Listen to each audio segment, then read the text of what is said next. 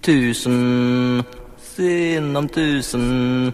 Har i alla tider frågat som jag Varför slår mitt hjärta jublande i dag? när med dig just nu jag dansar kind mot kind. Säkert skulle många bara svarat min fråga nej Men det er første gangen i mitt liv som jeg danser med min elskling kind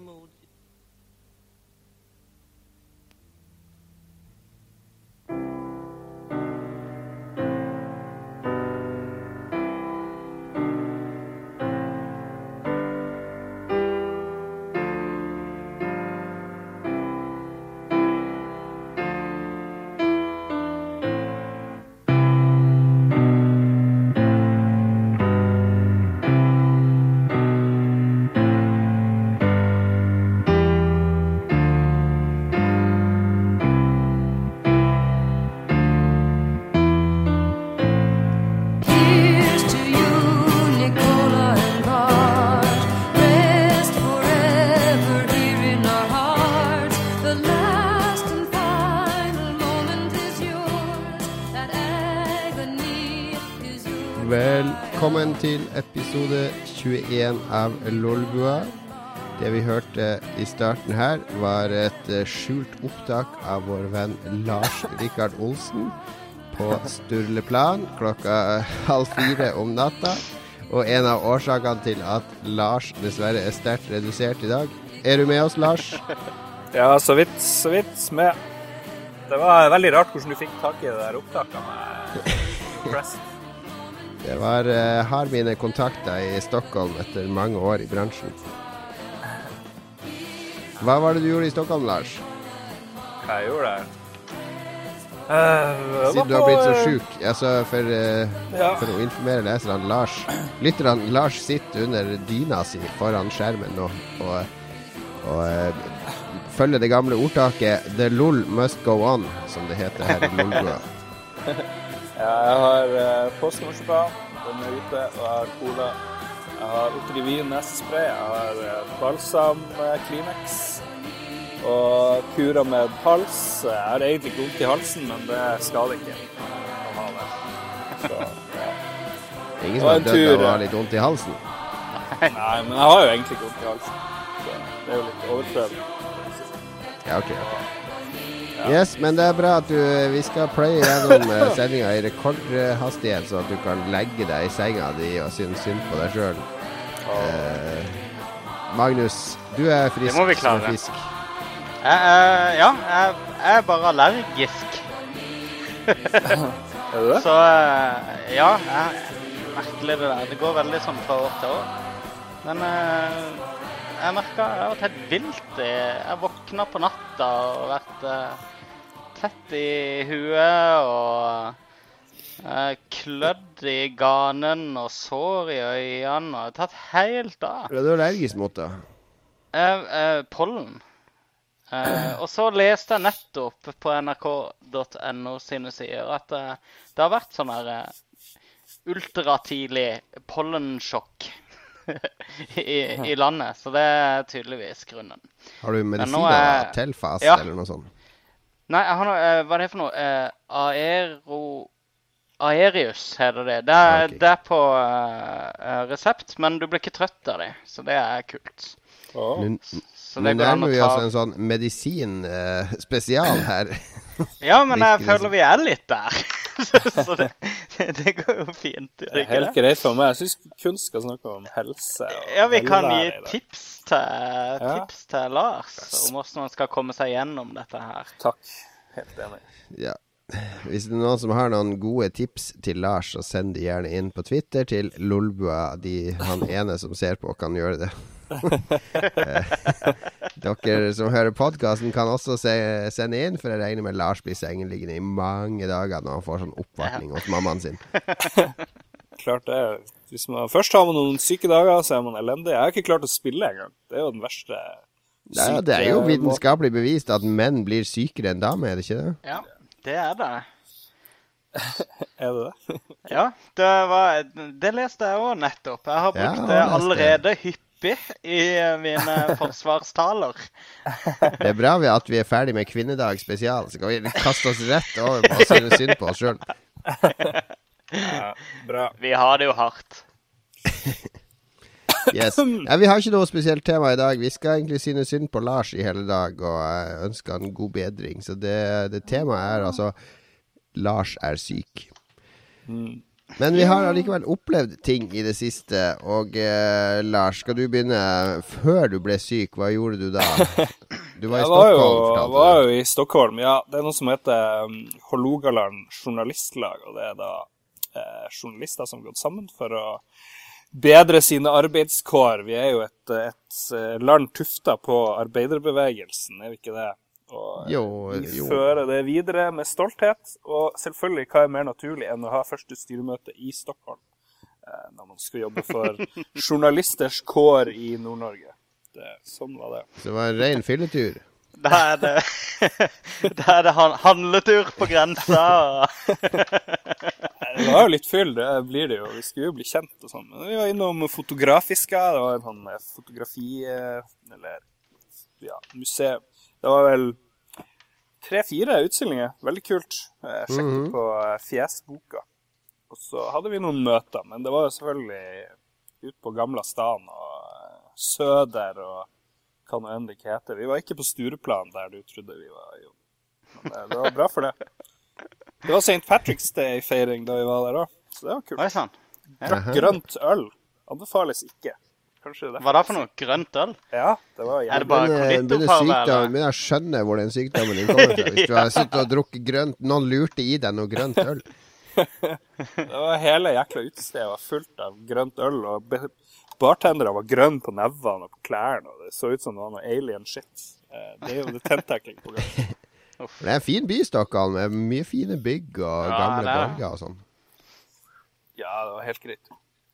Så er det veldig bra eh, sånn sci-fi, uh, fantasy, bokhandelsjappe i gamlebyen et sted.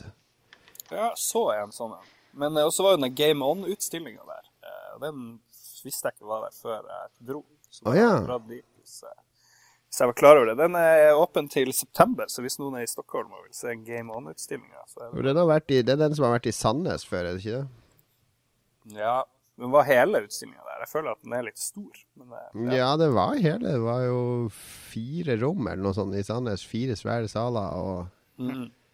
eh, Jo, den var, den var svær, den. Nei, Den er absolutt verdt å se. Den så jeg i Sandnes. Det er, eh, det er utrolig kult fordi du får spille og prøvd så mye av det. Mm. Ikke bare ja, se var- på bak et monter. Den var veldig populær, sto det i en eller annen svensk avis. De, spesielt unge Selvsagt. gikk Da kommer de tråkkende med sine Castlevania-T-skjorte og hipster, trange hipsterbukser og de her svenske gamerne, vet du. Hipsterbarter, ja. Bart og tighte, eh, tighte bukser, ja. Ja, ja, og med Katakana-boka under armen for Japan-studiet sitt. La oss ikke gå dit. Uh, jeg kan jo si at jeg så en bra film i dag. Jeg har ikke klart å gjøre så mye lurt i de siste dagene, men jeg klarte å se filmen Free to Play, som Valve har laga. Ja, det er den om Dota 2 og sånn, Ja. ikke det? Ja, så det var, OK film. Én time og et kvarter, tror jeg den var. Den følger sånne Dota-eksperter fra Singapore og USA og Ukraina til og med. Lærte du noe om eh, Dota, da? Nei, men jeg lærte at eh, Eller det er en grei film. Jeg ville, vil anbefale den.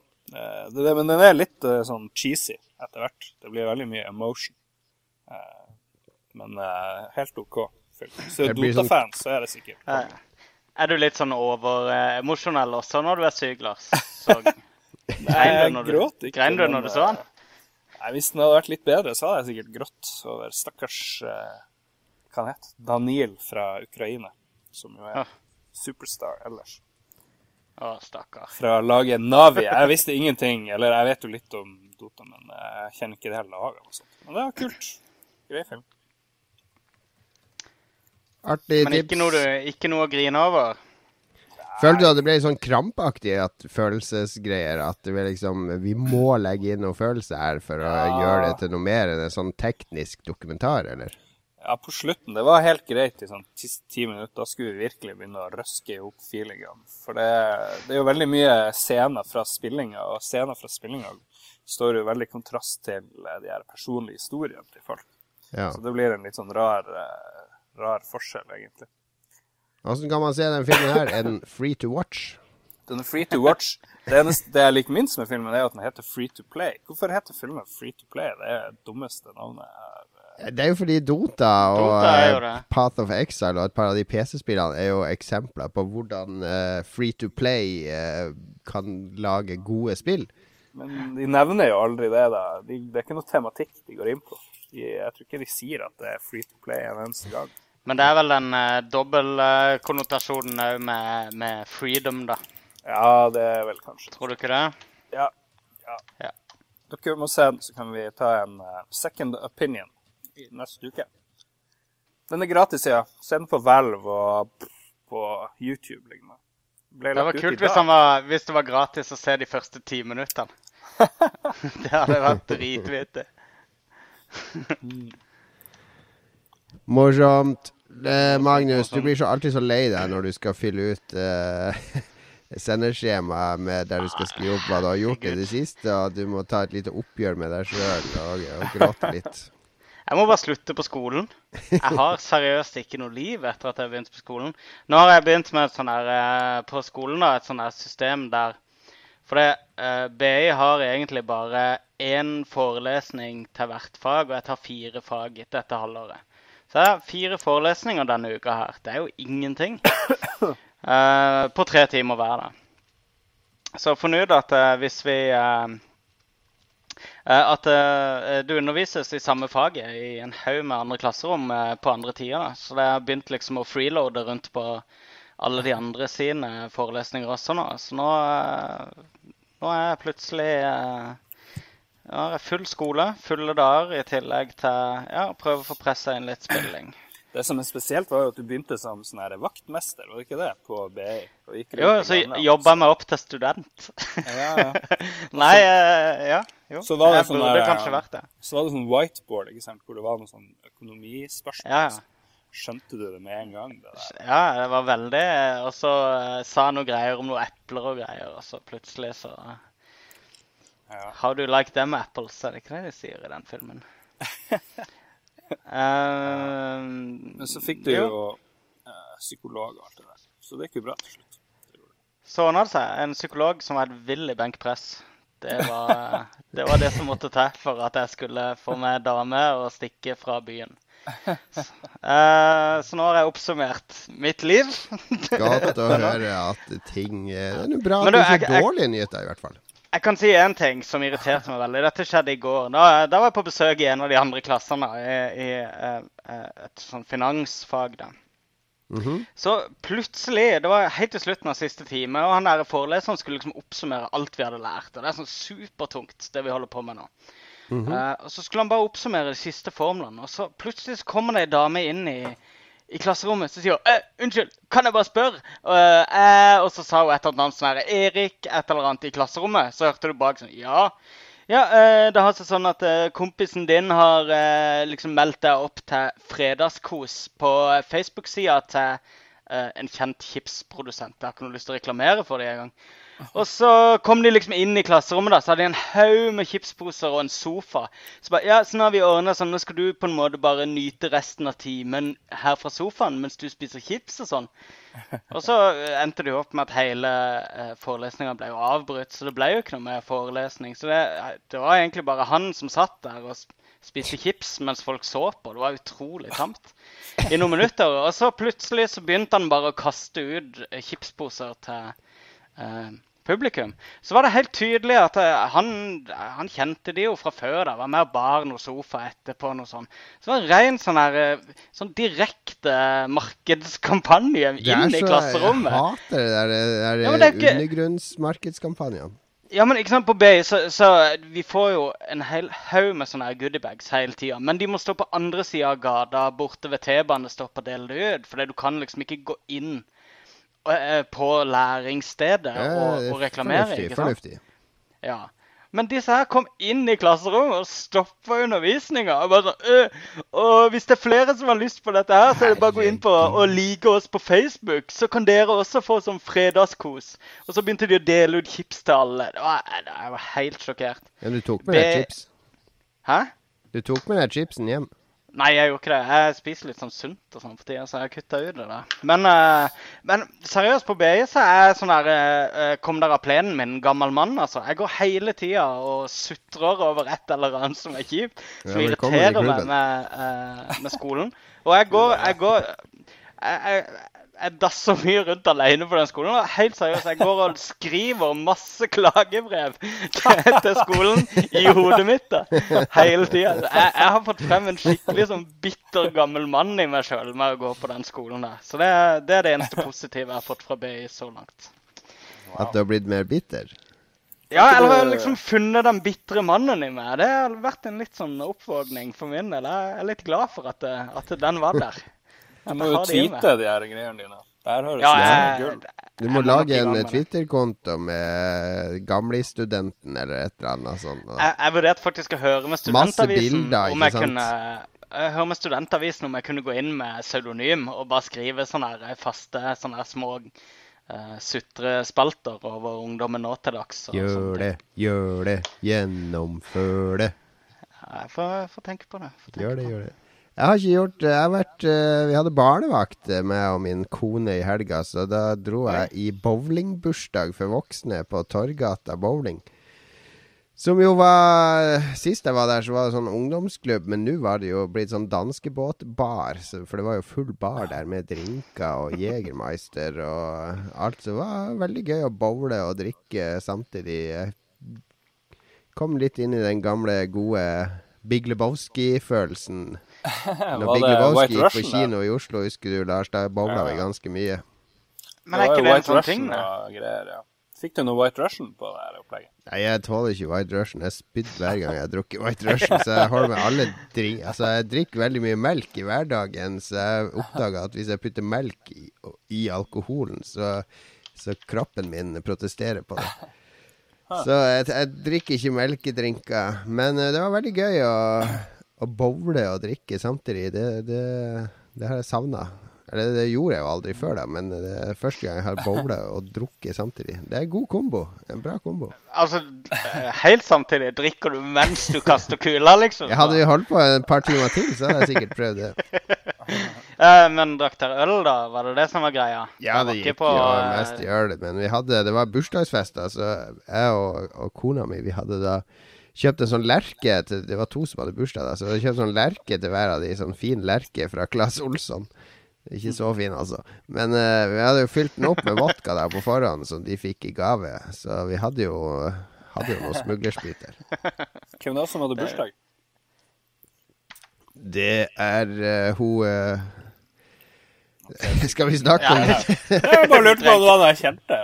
Ja, hun forloveden fra bryllupet vårt. Hun også eh, en annen som du ikke vet hvem er. Okay. Hemmelig bursdag. Ah. Hemmelig bowlingdrikkebursdag. Ja, men det anbefales Uh, et par øl og litt bowling. Det er eh, Jeg er generelt blitt uh, fan av å gjøre ting mens man drikker, ikke bare sitte på puben og prate. Men eh, spille brettspill eller eh, ha podkast, sånn som vi gjør nå. Eller finn på noe rundt drikkeaktiviteten. Det er litt kjedelig bare å sitte der på puben, syns jeg. Eller gå på spillquiz. Er, er podkasten vår en, eh, en drikkeaktivitet? Det-. Ja, det er en av eh, mine En av mine syv unnskyldninger hver uke for å drikke. Jæklig bra. Det er litt det der. Ja, ja. Ser Nei, den. Ser den. Aktive uke for alle, med andre ord. Not. Yes. Vi går over til spillnyheter. Er du klar, Lars Magnus?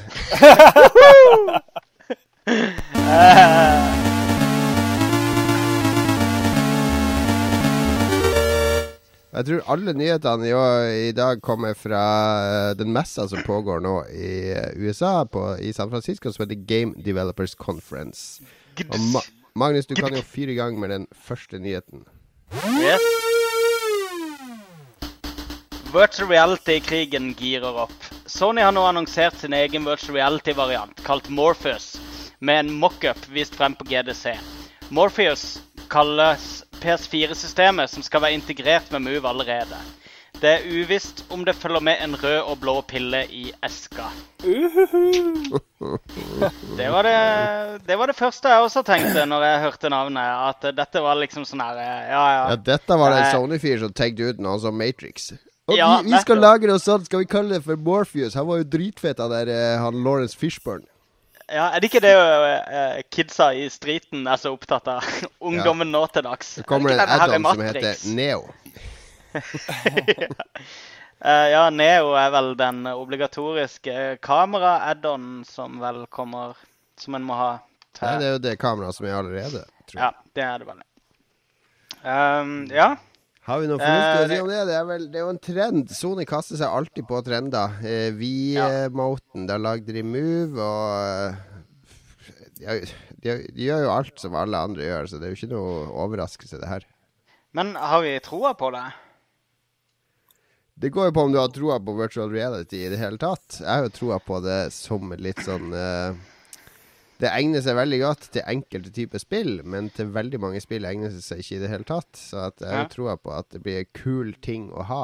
Og eh, det blir nok noen sånne der, eh, spill som kun kan oppleves via det systemet. Og de blir sikkert helt kule.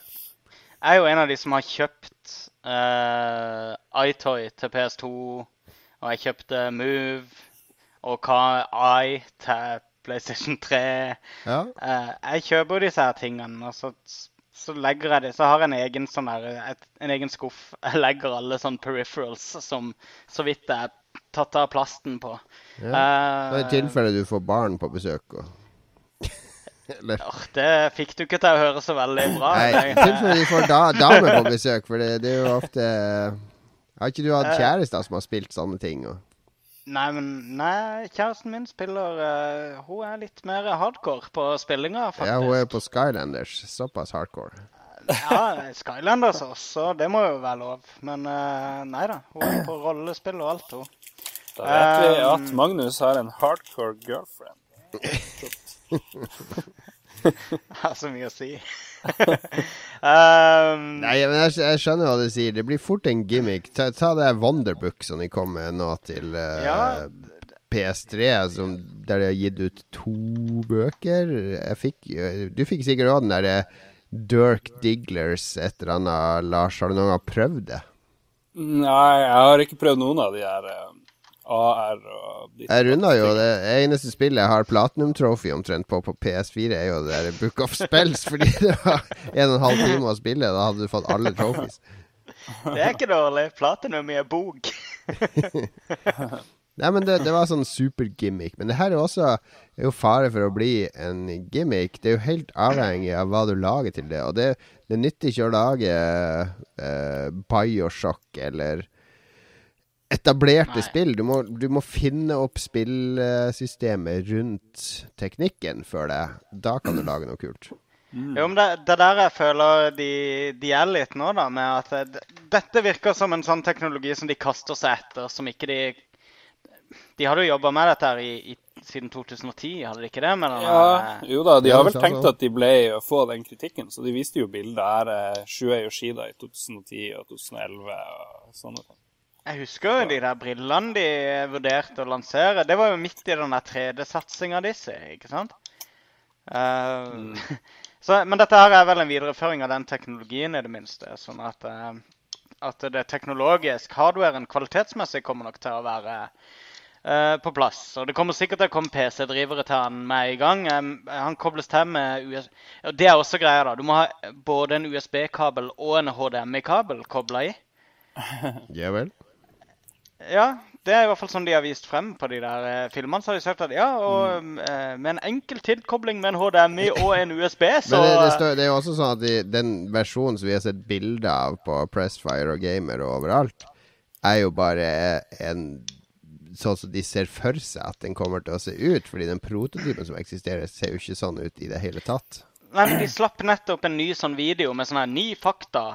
eh, med ni nye fakta om de der brillene, da. Eh, og da, da sa de at de jobber for å De prøver å få det trådløst, da. Ja, ja, ja. Uh, det er helt alt tyder på at det her er sånn 2015-2016-produkt. uh, Ja. Tolker jeg den informasjonen så langt. ja. Ja. Eh, Eh, nei, vi driter vel litt i det, men jeg tror det Jeg har sett en del sånne her hardcore elite gamers. De er veldig gira på det her. Jeg tipper jo at det er folk som er litt lei av spill og vil ha det neste nye skrittet, da. Det er godt Men mulig jeg- det er Det neste nye Eh. skrittet, ja. Hardcore. Her kommer feber, feberfantasien til, til Lars kom til Nye skrittet. Ja, ja. Vi kan jo si at det det er toeren til Oculus Rift også, så holder vi opp eh, stemninga.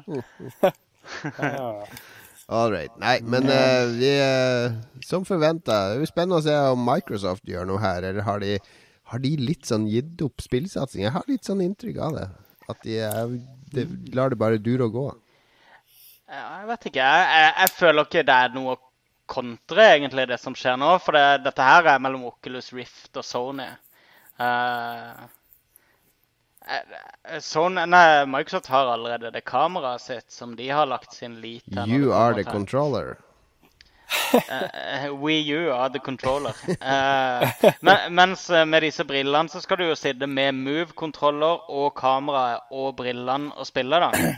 Det blir jo genialt der. Hvorfor har vi ikke nettsider hvor vi kan legge ut sånne her bilder av hvordan det her ser ut i praksis? Kan man sitte med sånne her move-kontrollere på hodet i Det ser ut sånne som her en cup komplett holders? Tenk hvor mange YouTube-videoer det kommer der der folk driver og kler seg naken og står og spreller med kuken og ballene sine rett foran trynet ditt mens du sitter der og måper og, og tror at du er eh, på en annen planet. Men bare tenk når telefonen din ringer for eksempel, mens du spiller. ikke sant? Sånn, eller at det ringer på døra, eller et eller annet. Du får en sånn der panisk sånn der 100 kabler? Ramler rundt, legger fra seg to kontroller. Ja, men det er, men det er jo det som jeg syns også er med de greiene her, at det er litt tiltak å bruke det. ikke sant? Når du Ja, kommer er hjem fra jobb eller skole, du er sliten. Det er deilig å synke ned i sofaen med kontrolleren i hånda og blaste eh, Titanfall i en halvtime før du skal lage middag. Det er ikke så deilig å sette seg ned og hooke opp kabler og headset og kalibrere de her skjermene foran øynene, for det må du gjøre. Du må stille de inn sånn at de kommer helt tett inntil øynene dine, og så må du justere stroppen så at den sitter ordentlig, og så må du ha med deg move-kontrollerne, og så kan du starte et eller annet spill der du skal sitte og bevege hodet til siden og vifte litt med armene og Jeg ser, jeg ser det- for meg at det blir kult i de spillene, men at det ikke er noe sånn hverdags hverdags, hver, hverdagsspillutstyr. Det var døden for uh, rockband for min del, var at uh, det ble for tiltak og, og uh, f.eks. med trommene. da. Og Ja, jeg måtte liksom rigge opp og finne frem og rigge opp. og Det drepte litt spillet for meg. Jeg syns det var dritgøy med trommene, men jeg kan ikke ha de i stua 24-7. Nei. Ja, nei, men da er Morfus eh, flopp. Er det det som er konklusjonen? Vi er, vi er vel veldig tidlig ute med i så fall å kalle en flopp, men Jeg syns vi eh, bare skal gjøre det. Jeg syns vi skal si det allerede. Ingen For da har vi i hvert release-dato. fall Tingen er at eh, Vi kommer jo ikke til å være de eneste som tar feil. Vi er jo ikke de eneste som frem til lansering kommer til å si at det blir en flopp. Men vi er i hvert fall de første. Så hvis vi har rett, Nei da, så det blir de ikke noe første som har flopp. Det blir, eh, blir en like stor suksess som Move og uh, iToy. Og 3D-spilling. Jeg spår at hvis de får sånn lukteteknologi i denne VR-dingen, så blir det en suksess. Hvis ikke, så blir det flopp. yes. Oi, Nei, der kom en eh, fjert, gitt! Vi pløyer videre til neste nyhet. uh, Magnus. Yes. Som vanlig lekker det info om nytt Assassin's Creed i måneden mars. Denne gangen har det dukka opp info om to helt nye spill i serien.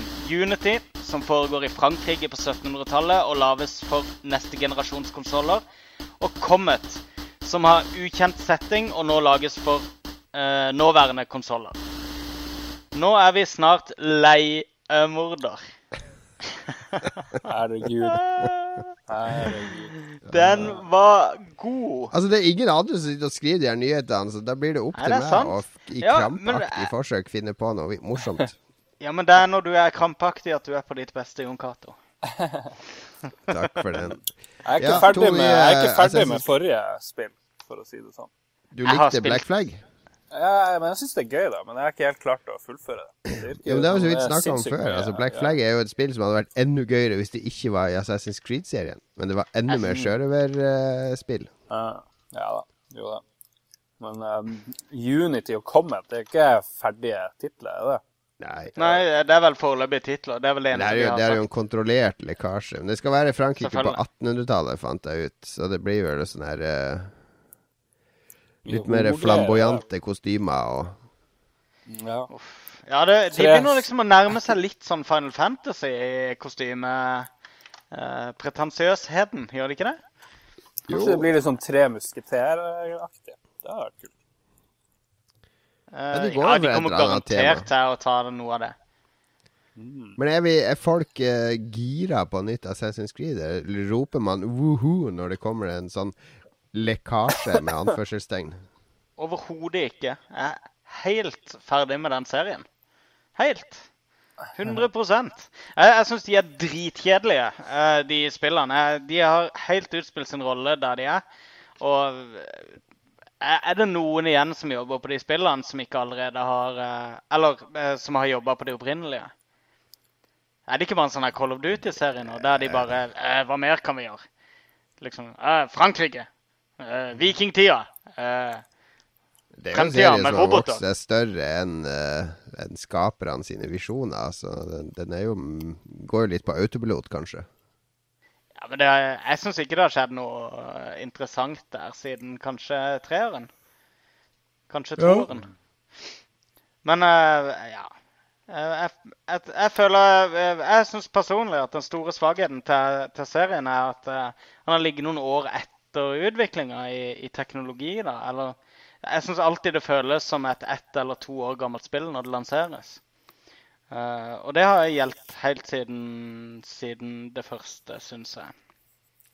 Ja, Så jeg er ingen, ja, jeg er ingen, ingen stor fan av serien, selv om jeg alltid gleder meg til et nytt spill. av en eller annen grunn. Jeg blir alltid med på hypen. Uh, jeg, jeg burde like det, for det er tredjeperson action adventure. og Det er jo det er liksom, det er perfekt for meg. da. Så jeg er i målgruppa, men de klarer ikke å treffe meg med det. Rett og slett. Det kommer jo strengt tatt tre Assassin's Creed-spill i år, for det kommer jo også Assassin's Creed Watchdogs. Som jeg spår er bare Assassin's Creed i en storby. Men eh, er det han eh, Assassin's Creed-duden som har lagd det? Var det Nei, sånn men det de? Assassin's Creedifiserer jo alle spillene sine med at du skal opp i tårn og få sånn her en del av kartet. Og den, Ja. Det, det har de brukt. Det brukte de i Far Cry òg, f.eks. Det, det er en del sånne der, uh, ting som de henter rett fra Assassin's Creed. Ja, jeg er for så vidt eh, helt med på den. Uh, som vi snakka kanskje litt uh, løst om tidligere, uh, Jon, om Ja. akkurat om Watchdogs, siden vi kom inn på det, så, så er det et spill som egentlig akkurat som Assassin's Creed risikerer å ikke kunne leve opp til de forventningene som er skapt for spillet, når det kommer til, til eh, spillerfrihet, i hvert fall, eh, på forhånd. Syns jeg. Syns jeg òg. Mm. Vi har én nyhet igjen. Sony har benyttet anledninga på GDC til å sikre seg flere avtaler som skal stimulere indie-utviklere til å gi ut spill eh, på PS4. Blant annet har de annonsert nye avtaler med GameMaker, Monogame og Unity. Det blir nå gratis å porte GameMaker-spill til PS4, som betyr at GameMaker-spill som Needhog og Gunpoint kan dukke opp på konsollen i nær fremtid. Vi annonserer herved Lolbuas eget indiespillstudio, Indiana Games. Skjønner ikke at ingen heter Indiana Games eh, Ja, allerede. ja, mer indie på PS4. Det er vi glad for, Lars. Ja, vi er jo det. Nidog hadde vært fantastisk på PS4. Det er gøy nok på PC, men det er sånn, det er sånn sitte i sofaen foran TV-en-spill. Jeg har ikke prøvd det, men ja. Nei, bare si Magnus. Ja, er, er remakes, liksom, eller sånn gamle spill som eh, At de kommer på en, en ny plattform, er det veldig interessant, egentlig? Jeg tror også en del av den avtalen, i hvert fall hvis jeg skjønte en post på norske spillutviklere riktig, er at, at hvis du er PS4-developer, så får du GameMaker-verktøysettet gratis. Ja. Så alle developers har full tilgang til det, som igjen er et godt insentiv for, eh, for folk å bruke PS4. Er Helt topp, syns jeg. Eh, men jeg, jeg kikker litt fremover når det kommer til den indie-satsinga. Jeg er ikke så interessert i å spille gamle spill på nytt. på Nei, men det er fordi indie-greia henger jo så jævla langt etter, fordi de har kun vært ute på Steam og, og, og PC i mange år nå, og så begynner alt det å komme ut på PSP og PS4 og, og diverse formater nå. Og så kommer de til å catche up. Og så i framtida, hvis Sony fortsetter sånn her, så tror jeg jo at da kommer jo spill samtidig på Steam og PS4. Ja. ikke sant? Så at PS4 er en legitim plattform å ha hvis du vil følge med på den type spill. Ja. For- Det, det er jo dritkult hvis de, hvis de får til det. Det er jo der den styrken i indie-satsinga ligger, da. Eh, Ja, det er en kommet voldsom veldig styrke. mye i det siste. Hva luftrausers kom det i dag? Eh, Det kom i dag. Jeg har i hvert fall fått kode, så Towerfall var vel òg nettopp. Det kom, eh, det kom for litt siden. Så ja, det er veldig mye bra der. Jeg syns det er kjempegøy. Det, det er jo en fin eh, et fint grunnlag ikke sant, mens man går og venter på storspillene, som det jo har kommet mye av i det siste. Eller hva, Magnus? eh, av storspill. Jeg har vært jeg, jeg har jo ikke fått Infamous. Jeg er tydeligvis ikke venner med nordisk film. Eh, så Jeg har til og med fått sånn Infamous- beanie som Thomas har på seg på skolen. Yes. vi, får det, vi får sikkert uh, til quizen, vil jeg tro. Um, ja, så jeg har jo ikke spilt uh, Infamous. Jeg har kun spilt uh, Killzone og Call of Duty så langt på PS4. Jeg har vært stuck i Titanfall i hele den forrige uka. Og som jeg Kommer kanskje sa ikke videre. kjapt Nei, jeg klarer ikke. jeg- Singleplayeren er så vanskelig, syns jeg. Den der uh... Du du finner ikke ut hvordan du starter den. Så jeg kommer til å lære brettet med den der roboten, og så skjønner jeg ingenting. Um, uh, men det er oppe i en sekser nå. Jeg ga det en femmer sist etter fire timer Jeg gir det en sekser. Jeg elsker det spillet. Ja, jeg, eh, det Har du fått spilt noe. Titanfall du, Lars, eller har du vært for sjuk? Jeg spilte litt i forrige uke, men eh, ja, jeg syns det var greit. Synes det var helt ok, Men jeg var ikke sånn blown away at det her er det beste ever, liksom. Det var ikke. Jeg merker Det er et eller annet med det at når du blir vant til de der dobbelthoppene og løpe langs veggene og sånn eh, Det er så rart å komme tilbake igjen til Jeg var litt tilbake i Battlefield bare for å Ja, kikke. det er, det er, det er eh, blir Det så føles tung. som å gå tilbake i tid. Ja, ja, eller du føler deg så tung og, og Ja. liksom sånn her uh, umobil, da. Og, eh, men det tar litt tid i Titanfall før det begynner å sette seg, i kontrollene. Ja, ja, Men ja. etter hvert så blir du mye mer Du får litt av det wipeout-syndromet. Det der med at du, se- du styrer kroppen litt sånn ja, det her. nivådesignet er briljant, for de har la, lagt det opp til at hvis du har skills, så kan du nesten fly og løpe langs vegger gjennom hele nivået. Ja, du trenger ikke touche bakken nesten i det Nei. hele tatt. Veldig, Ja. veldig kult. Jeg har ikke helt kommet dit ennå, så jeg må spille det mer. Spille med, Lars. Så det kom- syns vi om indiespill. Der endte vi. Nei, kjempebra. Kjør på PS4. Heng med Xbox. Eh, Indie er framtida. Vi går over til uh, lytterspørsmål. Vi har, uh, vi har så mange spørsmål en gang at vi har delt den opp i to, så vi tar pausen og pausesangen vår midt i lytterspørsmålene før vi avslutter. Og det er ikke, vi er veldig glad for at vi får spørsmål, fordi vi får egentlig ganske mange gode spørsmål, eh, syns jeg. Selv om det første spørsmålet her, det skjønner jeg ikke så Det er vår faste innsender Jan Christian Heigel. Jeg vet ikke om jeg skjønner spørsmålet helt. Er det noe i spill som får dere Som får dere spesielt gira på spill? Stort om noe, eller hvis features. OK, nå har uh, Kunfusus vært full igjen. Altså, du skal drikke under sending, eh, Jan Christian, ikke før. Ja. Um, Jeg tror han lurer på om det er noe vi kicker spesielt på i Ja, spill. en spesiell type features, da. Altså hvis, uh, hvis de har med f.eks. Uh, wallruns og double jumps som Titanfall, For eksempel. om det er en ting som, som alltid vil telle opp. Eller som en kunde hadde på Akersvik som alltid spurte om det var blod. Om det ble blod når du skjøt i. Ja, blir det blod? Blir det blod? Blir det blod sånn at blodet ligger på bakken? Det blir, Eller bare spruter det blod? Han var så creepy. Han var guffen. jeg liker online leaderboards hvor man kan eh, kjapt og umiddelbart, gjerne underveis, se hvor man ligger an i forhold til vennene sine. Ja, sånn Trials. trials-tracking. Ja, absolutt. Det Ja, gjør det er meg en- helt crazy. Det er veldig kult. Det er jeg enig i. Ehm, jeg vet ikke hva eh, jeg, jeg, jeg- jeg vet ikke hva liksom jeg går etter, hva som kan liksom pirre interessen. Ehm, hvis du hadde spurt meg for fem år siden, så ville jeg sagt enkle achievements. Men eh, det er ikke helt sant lenger, kanskje. Ehm, nei. Jeg tror mangel på tutorial gjør at jeg kicker. At jeg, får, at jeg får lov til å begynne å spille og komme til uh, kjernen veldig, veldig fort. Fordi spill der jeg blir sittende i 10-15 minutter før jeg føler at jeg i det hele tatt begynner å smake på spillet, da mister jeg gløden veldig fort. Titanfall. Ja, der hadde du, har du en eh, tutorial, men den spilte jeg allerede i betaen, så der kunne jeg hoppe Ja. rett inn i det. Eh, hu- humor er en ting som kan trekke meg inn i et spill. Eh, hvis jeg får et godt inntrykk av humoren i et spill, så, så kan det være en ting som, som trigger meg. Som gjør at jeg, Det er ikke så mange spill. Det er som uh, Ja, Indie-spiller er ganske mye litt sånn mørk humor, men uh... Ja, men Wildstar, Wildstar Online, de Ja, er eh, trailerne er hysterisk morsomme. Men husker du det utrolig pinlige spillet som kom for sånn fire-fem år siden? Som skulle være sånn comedy, eh, shooter-parodi Var laga av noen tyskere. Det som var bare var sånn, utro, du har sånn Final Fantasy-boss som du måtte slåss med. Og, Ja, det der, ja. Eh, Åh, jeg har det. Uh, det var så pinlig. Det som var sånn her Ja, det var sånn spillparodi, hele Ja, spillet. ja, ikke ja, sant? ja, ja.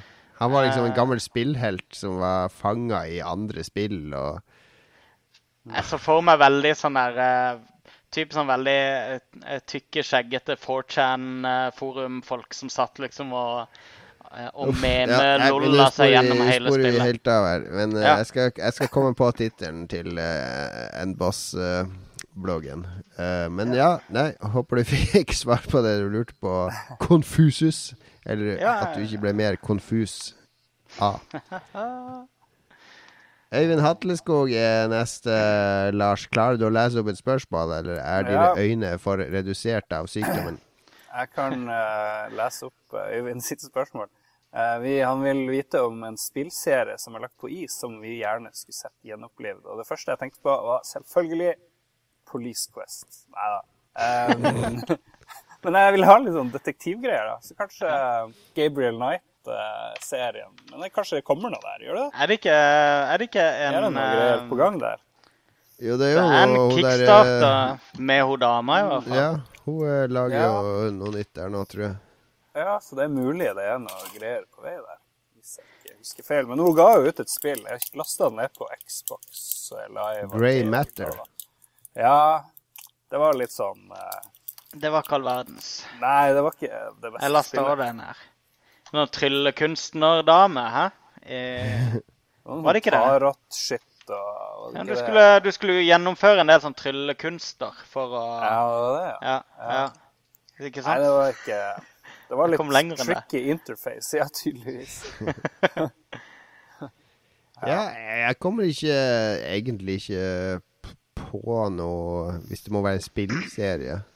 Altså Sånn som Jack and Daxter kunne jeg godt tenkt meg å se, men da måtte de gå tilbake til eneren og bygd videre på den. Det hadde vært gøy å se en sånn type plattformtittel i et sånn neste generasjonsmiljø som vi har mulighet til nå.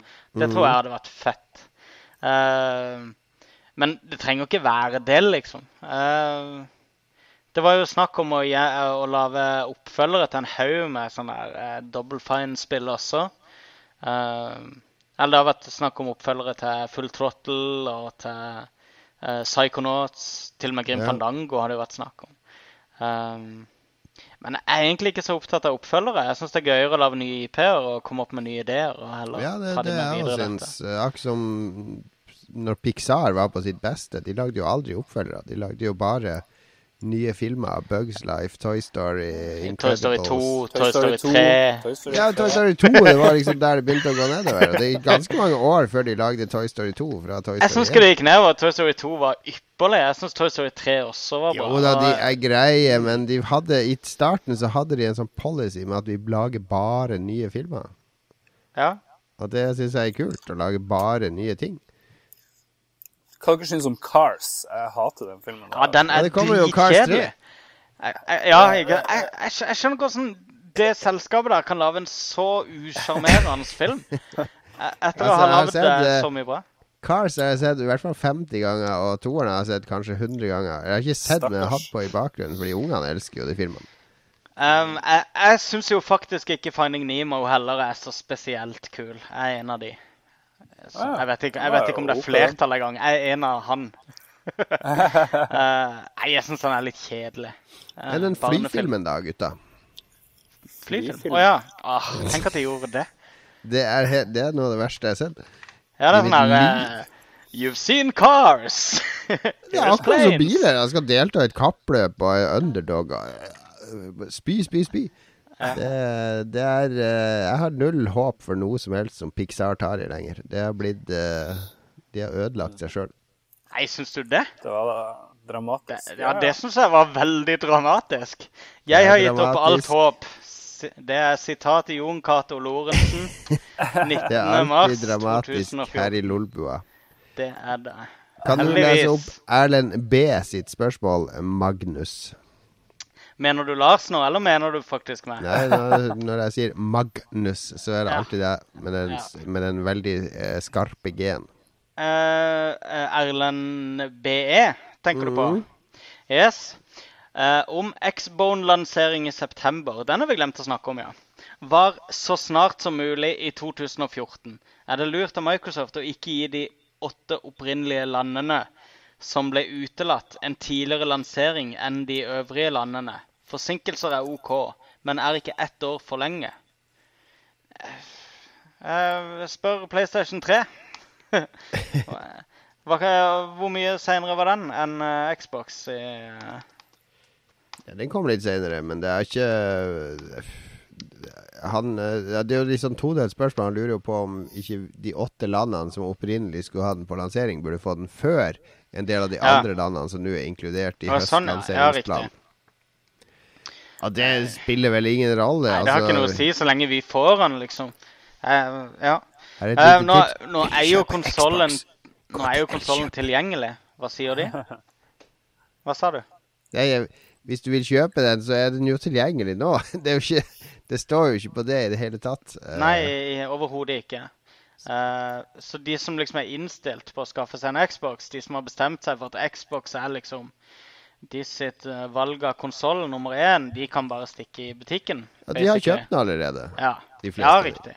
Ja. Uh, ja, jeg hører fra en del som butikkfolk at eh, det er en del som gleder seg til Xbox lanseres i Norge, for da skal de definitivt ha den. Men det er ingenting som hindrer de å skaffe den allerede. Uh, Det er en merkelig holdning. ja. Men jeg, jeg tror det, det, at det, hadde, det har ikke hatt noe å si om de hadde lansert Xbox her i november, for da hadde de samme folkene som har kjøpt Xbox nå, kjøpt den da. Og så hadde de ikke klart å gjøre den så mye større. De hadde selvfølgelig fått noe medvind nå med Titanfall og sånne ting, men ja. Norge er ikke noe Xbox-land. Det har aldri vært det. Nei, Xbox det. 360 solgte en fjerdedel av det PS3 gjorde, liksom. Så Og, og når, eh, når vi snakker om konkurranse med Sony og sånne ting, for det er det jo en del som snakker om at eh, nå har de mista hele konkurransen med Sony i Norge.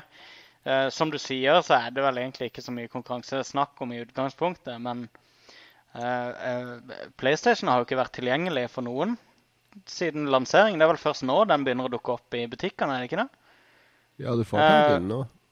Ja, nå får du tak i den. Men det, det tok jo tre, tre måneder. Og, og for de som ikke har skrevet seg opp på, på venteliste da, i butikkene, og det er det jo bare de ivrige som gjør, er det ikke det?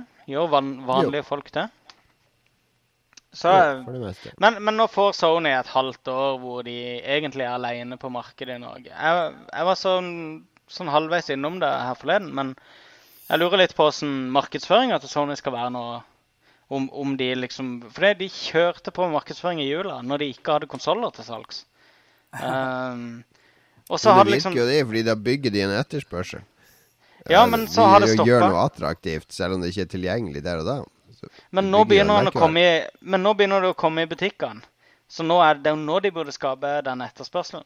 Jo, jo, men den skal du jo skape med Infamous nå og andre spill som kommer fremover. Ja, ja, riktig. Men det, det er det jeg venter på, da. Jeg, jeg, jeg syns jo kanskje at de kjørte litt hardt med markedsføringa i jula, med tanke på at ikke de hadde konsoller å selge. Eh, for det er en reklame funker bare så lenge. Hvis du ser reklame for noe du har lyst på, så går du ikke i butikken Jo, men det her er jo ikke noe som de har bestemt sjøl. Altså, det her er jo markedsføringsbudsjett som er satt opp fordi de fleste Ja. landene konkurrerte jo med Xbox da, ikke sant? Men dette er jo på verdensbasis. Det har jo Ja. vært utsolgt for konsoller på verdensbasis.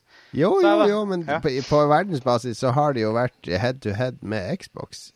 Det, jo, det er jo klart at de må bruke masse markedsføring da på å gå foran Xbox, fordi Xbox har vært lansert i de andre landene. Jo, I Norge så har de jo vært alene. maksimum Altså der, der kunne de jo kutta ned på markedsbudsjettet, men det er jo Mm. Sikkert ting som er satt opp av Sony, det her. Ja, ja, riktig. Eh, og, ja. Men jeg håper bare de er litt dynamiske i forhold til det. At de har spart litt krutt til nå, når det, når det teller. Jo, men Skal vi sitte her og diskutere hva de skal bruke av markedsføring på Jeg konsollen? syns det er interessant. da. Vi- Er ikke vi vi idealister? Skal ikke de og selges gjennom de gode spillene og de gode opplevelsene og word of mouth, og ikke teppebombe oss med the fourth place og whatever? Vi sitter jo og diskuterer markedsandeler her, Jon Cato. Da må vi kunne snakke om markedsføring også. Da tror jeg Erlend B har fått et kjempegodt svar her Jeg på sånn, jeg det. spørsmålet sitt. Og konklusjonen er PS4 blir en flopp. Eh, ja. Og P PS5 òg. Vi har fått, eh, vi har fått en, eh, tre meldinger fra Erlend Grefsrud, tidligere notorisk skribent på Spillegal, og nå eh, eh, spillutvikler i London. Eh, en ganske eh, Hva skal jeg si En spillutvikler med mye integritet og mye å si, men eh, nå nylig så måtte han eh, legge seg inntil uh, staten Norge sitt eh, bryst og ta imot litt tilskudd til spillet sitt fra NFI. Han lager nemlig et spill som heter Myriad.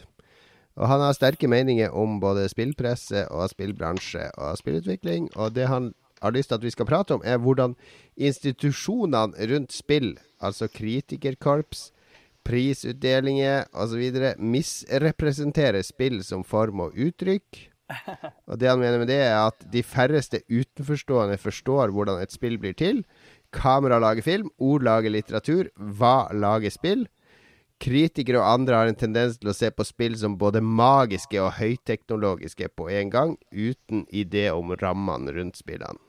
Hva har vi å si til det? Nei, men jeg føler det er jo så mye her. Vi må dele det litt opp her. Han vil først at vi skal snakke om hvordan kritikerkorps og prisutdeling Ja, det er det han vil vi skal snakke om. Det andre der er jo for å underbygge Ja. det der. Ja, men det er jo litt mye her, da. Først må vi jo spørre oss, er vi enige om at eh, kritikerkorps og spillutdelinger feilrepresenterer spill som eh, form og uttrykk? Altså kategorisk. Ja, det er jo en rimelig sterk eh, uttalelse. Og så gjør det, da. Jeg er enig i det, i hvert fall. Fordi jeg mener at uh, Du ser det eh, spesielt på de storspillene med historie, sånn at det blir veldig fort sånn her eh, Det har kule karakterer og en kul historie, men det sier jo egentlig ingenting om hva spillet er. Altså, skjønner du? Ja. ja. Uh, jeg tenkte jo på også at uh, spillpresse og priser de trekker jo frem enkeltpersoner i f.eks. et stort spillselskap som kanskje består av flere hundre mennesker òg. Men eh, jeg vet ikke, jeg tror nå folk skjønner ganske bra hvordan spill lages, i hvert fall hvis du er interessert i det. Jeg vet ikke om eh, vi er så Ja, jeg tror ikke folk er obs på hvor mange tilfeldigheter underveis som er med å forme ting. Fordi du, jeg tror vi som kritikere ofte tror at det sitter en sånn visjonær bak som har bestemt hver minste detalj, og så kan vi sitte og app- applaudere for at han kom på det, eller han inkluderte det, mens det egentlig er mye prøving og feiling og tilfeldigheter som fører til at spill blir som det blir. Kanskje. Jo da, det tror jeg. Og at vi kanskje overfortolker eh, spill til tider. Men det, det syns jeg er helt legitimt å gjøre. Vi er, altså, hvis du skal være kritiker, så må du også sette spillene inn i en større kontekst. Uansett om den er påtenkt av spillskaperen eller ikke. Så, så, så kan spill, eh, akkurat som litteratur og sånn, representere tendenser i samfunnet og, og, og ta, ta samtidskulturen på, på puls, Eller ta pulsen på samtidskulturen. Ja. Men, men jeg syns uh, Fordi uh, jeg, jeg husker jeg- Du har Rune Haakonsen i Filmpolitiet på P3, og han uh, husker jeg skrev en gang at han, han er veldig glad i spill fordi han ser fram til en fremtid der det ikke er mulig å, å skille spill fra filmer. Og da tenker jeg Det, det er veldig sånn motsatt av meg, fordi jeg, jeg liker veldig godt å spille spill fordi jeg liker å utforske spillsystemer og mekanikker og bli utfordra og jo mer abstrakt, jo bedre, egentlig, i min bok. Altså, jeg liker hele det der uh, friheten spill har til å skape noe helt abstrakt, og likevel få meg til å føle at det her mestrer jeg. Skjønner du? Jeg trenger ikke ha en, ikke- et plott eller en historie eller karakterer eller cutscenes for at jeg skal bli engasjert i et spill. Det er jo min interaksjon som skal få meg engasjert i spillet. Og det, det er noe jeg savner i ganske mye spillanmeldelser, er spillanmeldelser som handler om spillinga, og ikke bare hva som skjer på skjermen. Altså Det er mange som snakker om hvor enormt bra The Last of Us er, fordi karakterene er så kule, og du tror på Ellie, og det har så bra nivåer og alt mulig sånn. Men det snakker i liten grad om hvorfor nivåene er bra, eller hvorfor eh, du blir engasjert i spillet, eller hvordan spillmekanikkene underbygger atmosfæren, eller historien, eller frykten, eller, eller det primitive samfunnet. Eh, det, det var et essay nylig om, eh, der en skrev veldig godt om hvordan filmkritikere ikke lenger snakker om film som film, men bare kommenterte historien og skuespillerprestasjonene og ferdig med det. Og han savna mer om hvordan filmteknikken eh, var med å, å, å skape opplevelsen. Det var en lang rant fra meg, da, men skriver er kritikerne for lite om spillteknikken? Altså, hvorfor er kameraet plassert sånn som det er i, i Metal Gear i forhold til Splinter Cell? Altså, hva, hvor, hvis han ser på de to, hvordan blir opplevelsene forskjellige, og hvorfor blir de forskjellige, og hva vil de med de to uttrykkene? Altså, Men det fins vel spesialblad, spesialnettsider for de som er interessert i den type filmanalyse. Så eh, kommer vel det kanskje mer inn i spillets verden òg, jeg vet ikke. ja, men det er vel kanskje en sånn Det er vel ikke noe at man må ha det, det ene utelukker ikke det andre. Man kan jo ha begge deler. Ja, jeg er også litt på den, da. Eh, akkurat som en film ikke trenger å være mer enn bare bestanddeler noen ganger. En popkornflikk kan være givende i den eh, kvaliteten av å være bare en popkornflikk. Akkurat som et spill så kan det være en god, god story og morsomme karakterer som, som gjør spillet underholdende, som er verdt å trekke frem. Uh, Jo, en spillkritiker bør vel likevel trakte etter uh, å ha mer kompetanse enn den jevne spilleren. Jo, men det. du skal jo snakke til leseren din òg, da. Og det er ikke alle lesere som er ute etter en dyptgående sånn, uh, analyse av det som et kulturprodukt. Det Ja, er noen oss som ta, bare er la oss ta et sånn eh, produkt. konkret eksempel. F.eks. Resident Evil-spillene, de opprinnelige. Det var, det var mange som etter hvert kritiserte fordi kameravinklene var og, Du så ikke handlinga ordentlig, det var utrolig knøvlete styring, man kunne ikke streife, man kunne ikke gå mens man skjøt. Mens i ettertid, hvis du analyserer det her, så ser du jo at det her var jo veldig bevisste grep fra Mikami for å gi deg Altså, i alle horrorfilmer så er jo den følelsen av hjelpeløshet og det å være klønete og det å snuble og alt det der, det er jo det som skaper skrekken. Og det samme han ville oppnå her. Han ville ikke at du skulle være for bevegelig, fordi at da føler du at du er i kontroll.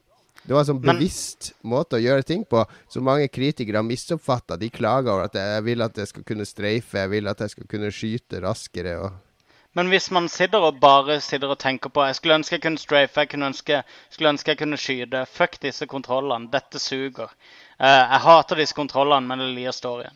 Da, det, da blir det jo revet ut. Da, da forsvinner jo innlevelsen. da, så Da mister jo, da mister jo handlinga, Jeg tror mange av de som stemninga, mislikte de tingene der, spilte jo gjennom spillene og likte de allikevel, men de skjønte ikke hvorfor de likte de. Men de de trodde, på grunn av- de trodde sjøl at spillene ville bli bedre hvis de hadde mye mer kontroll, og at det her tingene var endra.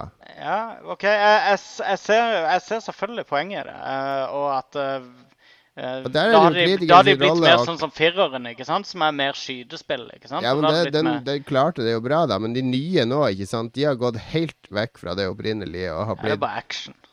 Ja, de har blitt ren action. Men fireren Ja. gikk en mye mer eh, elegant balanse mellom de to. Jeg syns Men- ikke det. Jeg syns det var et kult action. Ja, ja, Vi skal ikke diskutere akkurat det nå, men du skjønner poenget mitt opprinnelig er jo at kritikeren må kunne se grepene som spillskaperen har tatt, og kommentere de i en anmeldelse som gjør det på en forståelig måte for leseren, mener jeg. da. Jeg er Eller så er du en dårlig kritiker, hvis du ikke klarer å tenke og analysere det du opplever. Ja, men jeg, jeg mener likevel at, eh, at eh, verden trenger dårlige kritikere samtidig. Og jeg er helt enig med deg at det er for lite eh, ordentlig analyse av spill. Men jeg tror ikke det trenger å forekomme i absolutt alle medier. For jeg tror ikke du har lesere som er interessert i det, rett og slett. Så ja, men vi kan også ta, som- ta et nyere eksempel, f.eks. Titanfall. Der er det noen som har kritisert at det er så mye eh, datastyrte soldater på slagmarka og sånn. ja. Hvorfor kan, det ikke, hvorfor kan det ikke heller være 64 spillere, så at alle kunne vært styrt av mennesker? Sånn? Det, det er lite innsikt i Altså, Alle de datastyrte spillerne er jo der for at For det første skal det gi et inntrykk av å være et mye større slag enn det er, men også fordi at du som spiller skal føle deg som en ekte helt, og ikke kanonføde. Og Ja. det, det er jo mange grunner til at de har gjort det, ikke sant? Som en god kritiker kan tenke gjennom og skjønne hvorfor det grepet er tatt, mens en dårlig en kan tenke jeg vil at det her skal være som Battlefield. Ja, ja, men det er greit syn, det òg, da. For så vidt. Um, uh, jeg, jeg, det var jo en av de tingene jeg sa. At eh, jeg merka da jeg kom fra Battlefield til Titanfall, uh, så merka jeg at det var ikke helt den samme greia å, å knerte folk lenger i Titanfall. For det, at, det var så mye statister du tok livet av hele tida at du visste aldri når du drepte andre spillere. Uh, det ser jeg jo mye mer av nå. Nå er jeg mye mer inne i spillet. Så det, Ja. nå er ikke det et hinder lenger. Men det, det ødela gameplay. Det ødela litt av opplevelsen for meg i begynnelsen. Grei nok kritikk. Ja, Litt ja, ja. uenig. Litt uenig med Jon Cato i dag. Eh, er vi, har, vi, har nesten, vi har nesten bare vært enige hele dag på Facebook. Ja, det er, eh, jeg tror det er du som har feber, ikke Lars. ja, nei, nei. Med mine fulle fem.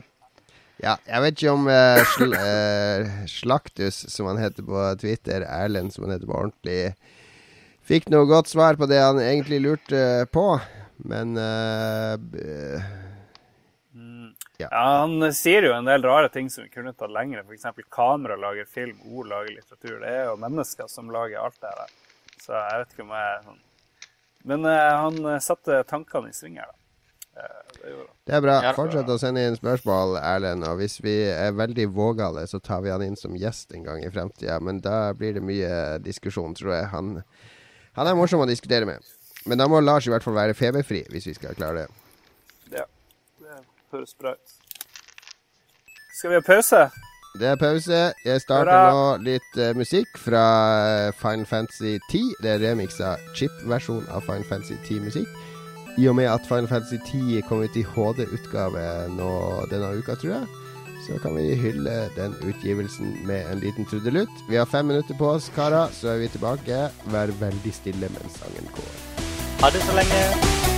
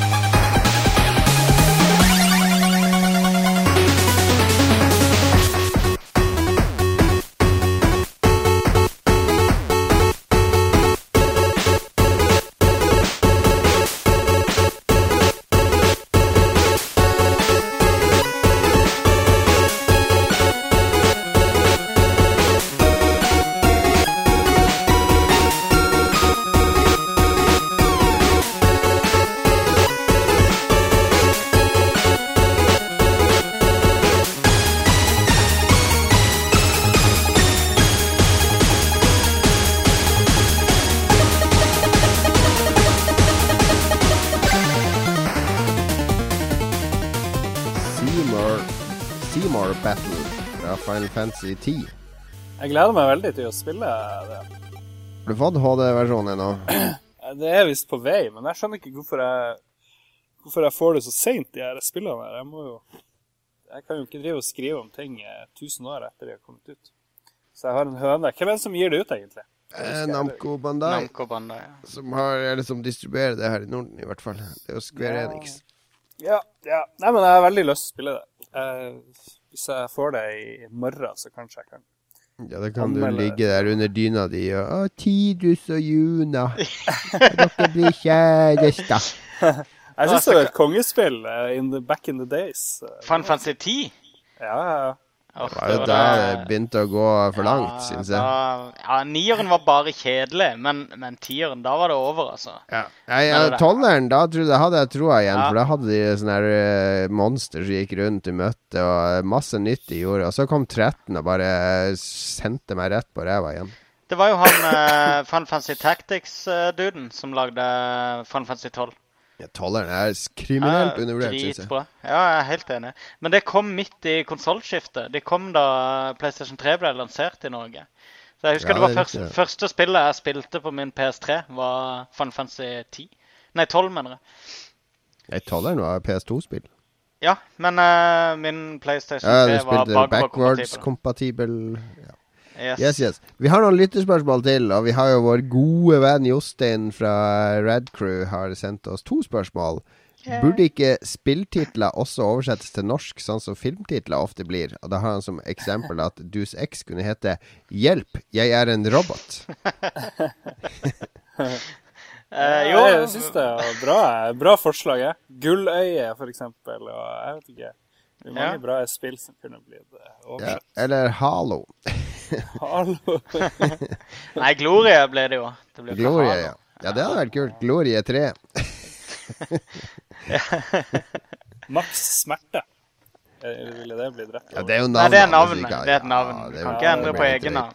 Eh, vi har jo en uh, kompis i Tore Sand som nok en, eh, ville blitt glad hvis vi hadde oversatt eh, spilltitler. Han jobber jo med å oversette teksten i spill. og er um, en tung tilhenger av å bruke norsk så mye som mulig, også når man spiller, også når man er voksen. Det gjør du, Jon Cato, gjør du ikke det? Jeg spiller alt på norsk. Spiller du alt Jeg på norsk? spilte uh, briljante Fjernskrik 3 nettopp, og eh, Nei da, jeg spiller Jeg gidder ikke å skifte tilbake til engelsk hvis menyer og undertekst er på norsk. Det gidder jeg ikke. Jeg Og når sånn som. Forza Horizon, der var jo til og med den, de norske stemmeskuespillere. Så, Hei, jeg så du kjørte veldig bra! Hva, kom bort hit, da! Skal jeg vise deg noe nytt her bak i garasjen min. Åh, det blir sånn uh... Ja, det, eh, jo, det, jo, det det er jo sånn de vil at jeg skal spille det. Og hvis Ja. jeg anmelder Da må jeg jo anmelde spillet sånn som de som gir det ut i Norge, vil at det skal spilles og oppleves. Er Det blir sånn her, derre dubba, dubba tegnefilm. Sånn Hei, Richard, kom her, da!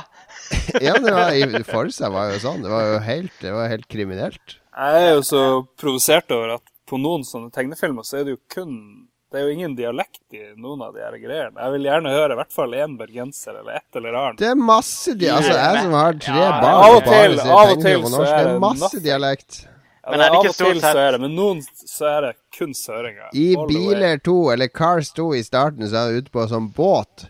Og han båten er selvfølgelig nordlending. Hva forsker du tror at jeg gjør her? Og sånne ting For han sier. Så det, Det er, det som, er, det er jo som i amerikanske filmer. Hvis du skal ha noe som er litt dum, så går du til sørstatene. Liksom. Sånn er det vel i Norge òg. ja, han, er han Mater på norsk er jo totning. Da, Ja, han er totning. Så, uh, ja. Så der får ikke denne i gang. Der blir ikke typecasta som idioter en gang. Ok, Men vi er, vi er helt for å ha norske titler på spillet, eh, Jostein. I hvert fall eh, her i Lolbua. Men om vi vil ha det i butikkhyllen, det vet jeg ikke. Nei. det... Jeg vil, jeg vil se Stille Bakke i butikken. Stille Bakken. Eller Den inneboende ondskapen. For- Forespørselsbaserte Ja, ikke sant? Og da er vi på de der. For det, uh, i, uh, på Xbox Live på Xbox 360 så har de jo det tatt på seg litt Xbox eh, friheter. levende? Ja.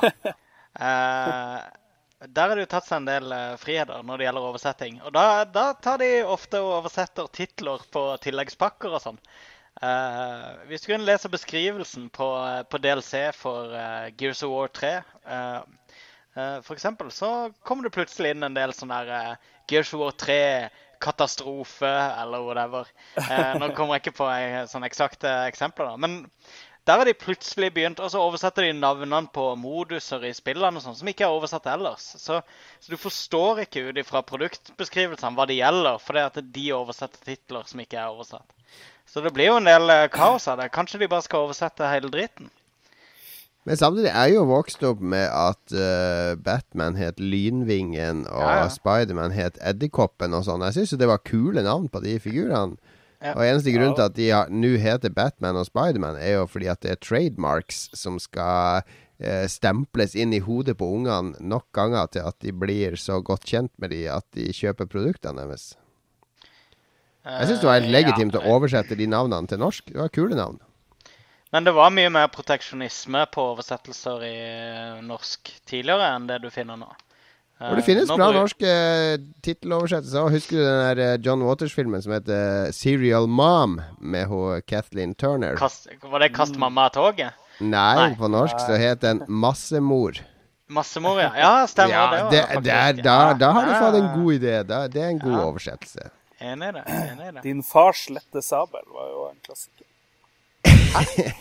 Ja, ja, ja, det er riktig. Star. Wars-glippen. Den er jo legendarisk. Men gutta, hva tror dere er Hva tror dere geometrisk krig, eh, retro utviklet tre, dukker opp? Det gleder jeg meg til. Tilbake, tilbake utvikla. Ja, ja. ja. Vi, eh, vi kan ha en hel eh, episode via til norske spilltider, la merke. Her har vi- Neste gang alle har feber, så kan vi gjøre det. Men vi har et spørsmål til fra Jostein. Han lurer på om vi er spent på hva Koji Igarashi, Castlevania-mannen sjøl, klarer å koke opp sjø, på egen hånd. Fordi hvis dere ikke har fått det med dere, så har han sagt opp i Konami, mannen bak Castlevania-spillene. Og skal nå starte sitt eget lille indie-studio. Vi ser han sikkert på, på Kickstarter om noen måneder, med et spill som eh, foruten navnet er et Castlevania 2D-spill, tenker jeg. Ja, kjør på. Så lenge det Hva det heter Symphony of the Night 2, så er jeg fornøyd. Det er jo det alle vil ha, og det er jo det han vil lage òg, tror jeg. Ja, det høres eh, genialt ut. Jeg driver og prøver å spille det på Vita og sånt, men eh, jeg vet ikke. Det, det Jeg må strekke ut skjermen for at det ikke skal se sånn her helt 4-3 ut. Og det, det er ikke noe optimal eh, opplevelse. Nei, Jeg vet ikke hva som er den beste uh, Symphony of the Night eh, Det er på Xbox. Live Arcade, så det burde jo funke bra. Ja, ja, jo da. Jeg har det vel der òg. Men den beste versjonen av spillet var jo Saturn-versjonen, som hadde to ekstra nivåer og mer musikk. Men til gjengjeld så hadde den mye dårligere framerate, så den ser mye mer crap ut. Det var første gang jeg hadde sånn skikkelig dilemma når jeg skulle spille, for jeg importerte Saturn-versjonen og hadde jo selvfølgelig spilt masse PlayStation-versjon. Og PlayStation-versjonen er suveren teknisk, men Saturn-versjonen hadde mer innhold. Ja, det er sweet spill. Det er utrolig herlig. Marius, du Eh, har så, ingen ja. mening om det her, for du hater Castlevania. Ja, jeg gjør det. ja. Jeg, jeg, jeg misliker det sterkt. Gotiske vampyrer. Og alle de titlene. 'Symphony of the Night'. Fins det noen andre vampyrer enn gotiske vampyrer? Ja, egentlig. Gotisk. Blades. Ja, Blade er han gotisk. Ja. Ja, Blade er jo eh, skattesnyltende vampyr. Stakkars Wesley. Han er vampyr på statskassa. Ja. Jeg, jeg har i hvert fall store forhåpninger til at han uh, finner, akkurat som alle de andre utviklerne som har slutta de storstudiene og har prøvd å finne seg sjøl igjen, at han klarer å finne tilbake til uh, det som han syns var gøy, og lage noe som vi syns er gøy. Ja. Vi har en ny uh, lytter, Magnus, som kaller seg for Veiron74 på Twitter. Yes. Veyron. Hva er det for noe? Er det en sånn bil? Bugatti ikke. Uh, han spør Har dere noe erfaring med Path of Exile? Og hva syns Nei. dere om det? Selv er jeg imponert, og det er gratis. Tror det er en flopp. Det høres ut som en flopp. uh, det, det er en sånn tittel som har dukka opp i, rundt meg hele tida, men som jeg aldri har eh, gjort meg bryet med å etterforske noe videre. Så der melder jeg pass. Der, eh, han heter Robert Karstensen, han uh, Veiron, egentlig. Eh, nei, det er jo det er sånn Diablo-type spill, bare mye Ja. mer eh, avansert enn Diablo. Mye kulere skill-trær osv. Jo, jeg har sett det. Ja, riktig. Ja, Mm. og som, eh, som Diablo-fansen liker mye bedre enn Diablo 3, har jeg inntrykk av. Jeg har ikke spilt det sjøl, men vi har vår gode venn Frank Tor Johansen, som var gjest på, på podkasten i, i gamle dager. Han går god for at Path of Exile er et uh, briljant spill, så da, da jeg stoler på han. Jeg måtte flekke opp en video her, og det her skill-treet så jo helt sykt ut. Det er jo eh, Det er som i Final Fantasy 10, hvor du går rundt på sånn brett og styrer, ser det ut som. Ja. Nei, men det så kult ut. Men det er også et bevis på at gratisspill kan funke hvis de følger en modell som tar spilleren på alvor.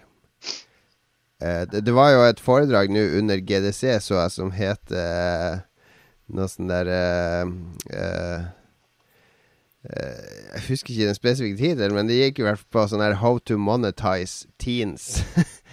Uten at det skulle være suspekt. Var det seriøst? Jeg så det òg. Jeg kan ikke tro det der var Det må jo ha vært et eh, ordentlig foredrag, tror du ikke? Nei, jeg vet ikke. Det, ja, kanskje. Det hørtes veldig fake ut. Eh, Vi får eh, Jo, 'Monetizing Teens in a Safe and Legal Manner'. Det ligger på schedulen til GDC Conference. Hve- Hvem var det som var, som var keynotes der, da? Det er han Jim. Jeg kan vi skrive opp Satan uh, helvete, lista over folk som havner i helvete med en gang. Jim Gsulevich, CRO fra Jumpstart, sammen med Joy Podgorny, som er fra Smartbomb Interactive, og Joe Wepper, som er fra Oink. De har en foredrag på GDC som heter 'Monetizing Teens in a Safe and Legal Manner'. Jeg liker også at de må ta med 'legal', bare sånn for sikkerhets skyld. Hvordan vi skal flå tenåringer for penger helt lovlig. Ja. det er jo Og trygt. Altså, hvordan kan det Det, det der eh, De gjør det vanskelig for seg sjøl, de her gratisutviklerne. Men da er det fint at vi har spilt som Path of Exile, som beviser hvordan det kan gjøres. Ja. Jeg er sikker på at det er mange som hører på denne podkasten, som er på GDC. Så det er da altså klokka fire i morgen, torsdag, på seg. Dra dit. Sjekk det ut hvis du er i San Francisco. Ta banen ned til sentrum og Vi har en, enda en ny lytter, Lars. Skal du ta Mathias sitt spørsmål? Det kan jeg gjøre. Mathias Malmgren, har vi en eh, swede her, eller hva, hva er det? det er er kanskje en som du uh, gjorde et eller annet med på Stuleplan for noen dager siden? som jeg gjorde et eller annet med. Ja, drakk med, eller Var litt på Det er ikke min fantasi som satt bilder i hodet ditt. Det var jo akkurat det. OK, ja, Mathias spør Har vi trua på at This War of Mine kan bli noe mer enn en god idé man ikke klarer å gjennomføre? Du må noen forklare meg hva This War of Mine er for noe. Du, det har så vidt fått med meg. Jeg tror det er et sånt krigsspill der du skal spille sivile i krigssone, hvis jeg har fått med meg. Det er ikke noe skyting eller noe sånt. Du skal unngå å bli drept. Ja, riktig. Det er jo et uh, spill der du Ja, du er i en aktuell uh, krigssituasjon i Tror Syria. jeg, tror, jeg tror det er det spillet. Jeg har ikke, jeg har ikke gu- Vi kan google det for sikkerhets skyld. Ja, jeg lurer på om det er det. Uh, der du spiller eh, Ja, det er det. Eh, der du spiller innocent bystander, og der det handler om å overleve i en bosnisk krigssone. Mm. Eh, det- jeg, jeg nevnte det så vidt. Jeg, jeg husker jeg leste om det da. Eh, det er en interessant, interessant måte å gjøre det på. Kanskje, kanskje det er sånn en må liksom moralisere over krig i spill. Ikke sånn de har jo prøvd seg med andre spill der de Det derre uh, Nam 67 Var det Battle Nei. Du har Nam 67, og du har det der uh, Spec Ops, uh, The Ja. Line og Ikke sant? Der, de, de, der du liksom skal gjøre de grusomme tingene. Da, sånn. Men, men uh, hva med å heller bare sette seg i situasjonen til noen som faktisk overlever en krig? Og uh, bare de ikke smører for tjukt på, liksom. At ikke de liksom eh, tar seg sånn friheter til å gjøre det sånn ekstra sentimentalt, men at de spiller på en sånn ekkel, kald realisme, så tror jeg det der kan være virkningsfullt. Jeg tror det er Mathias Jeg Ja, bare snakk, Lars. Nei, jeg har bare gått og sett litt på sida. Det ser veldig pent ut, men det er ikke noe gameplay der, da. Det er, så gud vet hvordan det, hvordan det blir. Det er jo selvfølgelig Det er jo et spørsmål, men det, det han lurer på, er jo om det bare er en god idé, og så klarer de ikke å gjennomføre det. Og det Altså, for min del så, så kan jeg ikke svare på det, fordi jeg, i mange år så drømte jo jeg om å bli spillutvikler og lage spill og sånn, men jeg har jo funnet ut at jeg har ikke fantasi nok til å Jeg, har ikke, jeg er ikke kreativ nok på akkurat det der å tenke spillmekanikker rundt ideer og utvikle de rundt det. Jeg blir stadig overraska over hvor flinke folk er til å lage gode spill ut av ting som på papiret høres kjedelig ut. F.eks. Papers, Please eller andre ting. Men vi Etter vår, etter vår spi, musikkspillkonkurranse så skal vi jo begynne å lage spill. da. Det blir jo det, det siste. Det blir neste steg. Da skal vi inn i GameMaker og lage spill. Altså, fella er jo hvis de lager sånn parkourspill av dette her. At du plutselig er sånn det, jeg har jo tro og håp på at de, at de finner sånn spillmekanisk tema, tematikk som passer til spillet, og at det ikke går i Fordi det som spillere ofte gjør, det at eh, Eller som kanskje Mathias også har gjort, at han tenker på at det her blir et FPS der jeg ikke kan skyte. Hvor gøy blir det å bare løpe rundt? Ikke sant? Du, når, hver gang en spiller hører om et spill som prøver å innføre noen nye ideer eller konsepter, så klarer de ikke å visualisere det fordi de ikke kan henge det på en knagg de allerede kjenner. Skjønner dere? Eh, Men uh, ja, det er, det er jo vanskelig å si når ikke de har vist noe gameplay fra det. Og de har Nei, vel jeg, jeg vet jo ikke hvem de folka bak er heller, så De har vel strengt tatt bare sagt at det er en god idé, har de ikke det? At de jobber med det, men de har ingenting å vise. Ehm, ja. Så vi vet ikke nok om den og til å liksom uttale oss om, om dette bare Det blir en flopp. Nei, jeg Det blir- tror det, det kan bli et knallbra spill hvis de, hvis de har eh, Hvis de har Ja. eh, Hvis de er flinke folk. jeg syns det er en grusomt god idé, som uh, kanskje kan uh, bli brukt uh, andre steder også, hvis det viser seg å være vellykka. Yes. Ett spørsmål igjen fra vår tidligere gjest Thomas Heger. Lars, tar du det nå? Ja, han vil at vi skal diskutere mengde og lengde vi får i spill versus pris, sånn som Metal Gear Solid Ground Zero, som jo koster mye, mente noen, og gir eh, Man kan spille gjennom det på ti minutter, f.eks. Og men også Gone Home, til dels Tit and Fall, få kart, og så videre. Ja, jeg vet ikke. Det fikk jo ni det her. eh, Jeg har ikke spilt Ground Zero sjøl. Det fikk ni Det skal vi eh, snakke om etterpå, når vi skal snakke om hva vi har spilt, for det har jeg spilt. Åh, det har du spilt. Ja. ok. Men uh, selve problematikken her, da? Ja, jeg husker, det husker jeg godt fra butikk. At kunder kom inn og mente at uh, det var det ikke verdt, for det tok bare 14 timer å spille gjennom storyen. Eller tok, tok bare syv timer å spille gjennom Call of Duty. Så det, det var ikke verdt full pris og sånne ting. Eh, og at dårlige spill burde være billigere. Som et eh, overraskende eh, antall eh, kunder faktisk helt uironisk mener at spillskapere skal si at Ja, hvor bra var egentlig dette spillet her? Eh, treer? Ja, vi tar halv pris for det. for det Men, sånn men, men han, han, det er jo Fordi det, det har jo vært mye anmeldelser av uh, f.eks. Ground Zeroes, Ja. som har trukket veldig fordi de mener at det er ikke et fullverdig spill, og at det er dårlig gjort å selge det som kan anses som å være en demo. Eh, ta, ta, ta pris for den. Sammen med Titanfall, der flere klager at de ikke har gidda å lage en enspillermodus. Så hvorfor skal jeg betale fullpris for det her spillet? Eh, altså For meg så er det mye sånn uh, uh, Forulempa Folk som har laga egne virkeligheter oppi hodet sitt. Altså, du betaler jo det du syns noe er verdt, og hvis Ja, ikke, så lar du være å kjøpe det.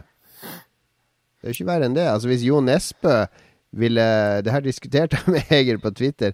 Hvis Jo Nesbø ville gi ut en novelle i forkant av den nye boka si, som han solgte for eh, 99 kroner, som er en slags prequel til boka, og så gir ut boka til 399 Selvfølgelig kan han gjøre det. Og så kan du kjøpe den hvis du syns det er kult, eller så kan du drite i det hvis du syns det er ukult. Det er det samme de gjør med Metal Gear her, f.eks. Uh, sånn som Metal Gear, da. Uh, ja eh, Nå skal vi ikke snakke for mye om det, da, men, men uh, i det tilfellet det, Jeg syns det ligger og, og danser helt på grensa mellom uh, en, en prequel man betaler for, eller noe som kunne vært en, en veldig sjarmerende sånn her Hva skal du si? En, veldig kostbar sjarmoffensiv overfor uh, fremtidige Metal Ja da, det er, det, Gear-spillere. er, det, er, farlig moment der at alle demoer kan plutselig komme med en prislapp og, og sånne ting. Men du, hvis du tar det andre spillet han nevner, som jo er Gone Home, så er jo det et briljant spill. Ja. Men det tar to to og en halv time å spille igjennom, og det koster 15-16 euro. Kosta det da det kom. Ja. Og det var mange da som mente at det her var jo ran på høylys dag. Altså, det, det, det har jo også med at de her IOS og mobilspillene har gjort folks forventninger til hva spill skal koste, har skrudd i så langt ned at folk forventer at uh, spill som var i Spill som ikke varer i 100 timer, det skal koste syv kroner, ikke sant? Det er jo det og Steam-salg, da.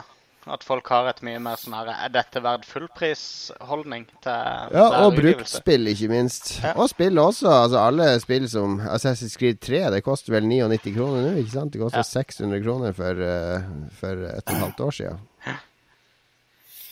True that, true that. Jeg mener slutt, at eh, slutt å skru ned prisen på spill og kjøp spill på salg, og, og innfinn deg med at spill koster penger. Det er det vi prøver å si. Det høres ikke helt bra ut. Jeg syns at uh, online skytespill med 15 maps som er ufattelig godt designa, og som, som byr på et utall med timer uh, underholdning, er verdt å betale full pris for. Men det er jo opp til enhver. Og så er det også verdt å legge merke til at fullpris for et spill i dag er det samme som fullpris for et spill var for 20 år siden. Ja. Det er sant, det. Vi snakker ikke om noe konsumprisindeksøkning på eh, spill. Konsollspill har vel nesten Altså, se på hva en betalte for Nintendo 64-spill. Og Super Nintendo-spill Ja, også ja. 700-800 kroner. Ja. Det er bra vi snakker konsumentenes eh, sak her. Vi, vi solgte Conquers Bad Fur Day, husker jeg, for 1298 kroner på Akosmik. På Englands import. import. solgte importert Street Fighter 2 på Super Nintendo med adapter til 2500. det var tider, det. Og Vi det her var i 93-94. Ja. ja, vi solgte eh, Link to the Past solgte vi for 1600 kroner brukt på Spiderman uten pakke. Ja. Nok Nei, om det. vi liker jo at spill, spill skal være rimelige, og Ja. prisen skal stå overens med opplevelsen. Og pro Problemet med Metal Gear, hvis vi skal gå tilbake til det igjen, er jo at det ligner veldig på Dead Rising 2, husker du? Det fikk en sånn prequel som kom på Xbox Live, som heter Case Zero. Ja. Eh, der du kjøp Der du spilte i en sånn liten småby utenfor Las Vegas, og det var liksom en sånn fors forspill til, til selve spillet. Og det kosta 400 Microsoft-poeng, som jo da var 40 kroner, cirka. Og det mente folk, det var helt fair, ikke sant? For du fikk et par timer underholdning ut av det greia der. Og forbereda deg på hovedspillet. Mens uh, Metal Gear ligger vel på 300 kroner, det er det det koster. Jeg har ikke sett pris på den. nå. Så jeg tror folk eh, Det er vanskelig å vite hva den der eh, prisen bør være, men jeg ser ikke noe galt i å ta betalt for noe. Uh, er det tilgjengelig på Xbox-butikken? Vet du det? Som jeg vet ikke. Det kommer vel nå. For, det, for oss her, her i landet så betaler vi jo dollarpris foreløpig der. så, så der snakker vi i hvert fall verdi på pengene. Ja. Eh, ja. Altså, vi har to spørsmål til, faktisk. Vi har uh, Jan Tore Berghei som ritvita og Linn Søvik, fordi hun bygger et senter for game development i Norway, der målet er å hjelpe utviklere å eh, få industrien til å vokse. Og hva, hun lurer på hva hun skal kalle det her senteret for. Har vi noen forslag? Mm, det kom eh, litt sånn uh, uforberedt på her. Um, Altså, Erlend Grefsrud tvita jo at de burde i hvert fall kalle julebordet for Jul i Spillmakergata. uh, ja. uh, Ingen forslag? Nei, egentlig ikke. Altså et senter for å hjelpe utviklere og få industrien til å vokse. Er det sånn som Mesh, liksom, for, uh, for spillutviklere? Nei, er det det det som er er vel mer et ressurssenter, ikke et kontor, eh, kontorfellesskap. Ja, riktig. Uh, nei, det var bare litt sånn, litt sånn vagt. Det er navnet å lure på. Du trenger ikke at, Ja. altså, Konseptet er jo bare at det skal være nettside og, og et sted der utviklere kan bli medlem og få bli hjulpet til å få kontrakter og søke om om støtte og alt mulig sånt, ikke sant? Ja. Jeg er helt blank akkurat nå. Har du sovna, Lars? Jeg gir F i hva de kaller det. greia. Det viktigste er jo ikke hva de kaller det. At de, de får det til å være en bra greie. Ja, ja.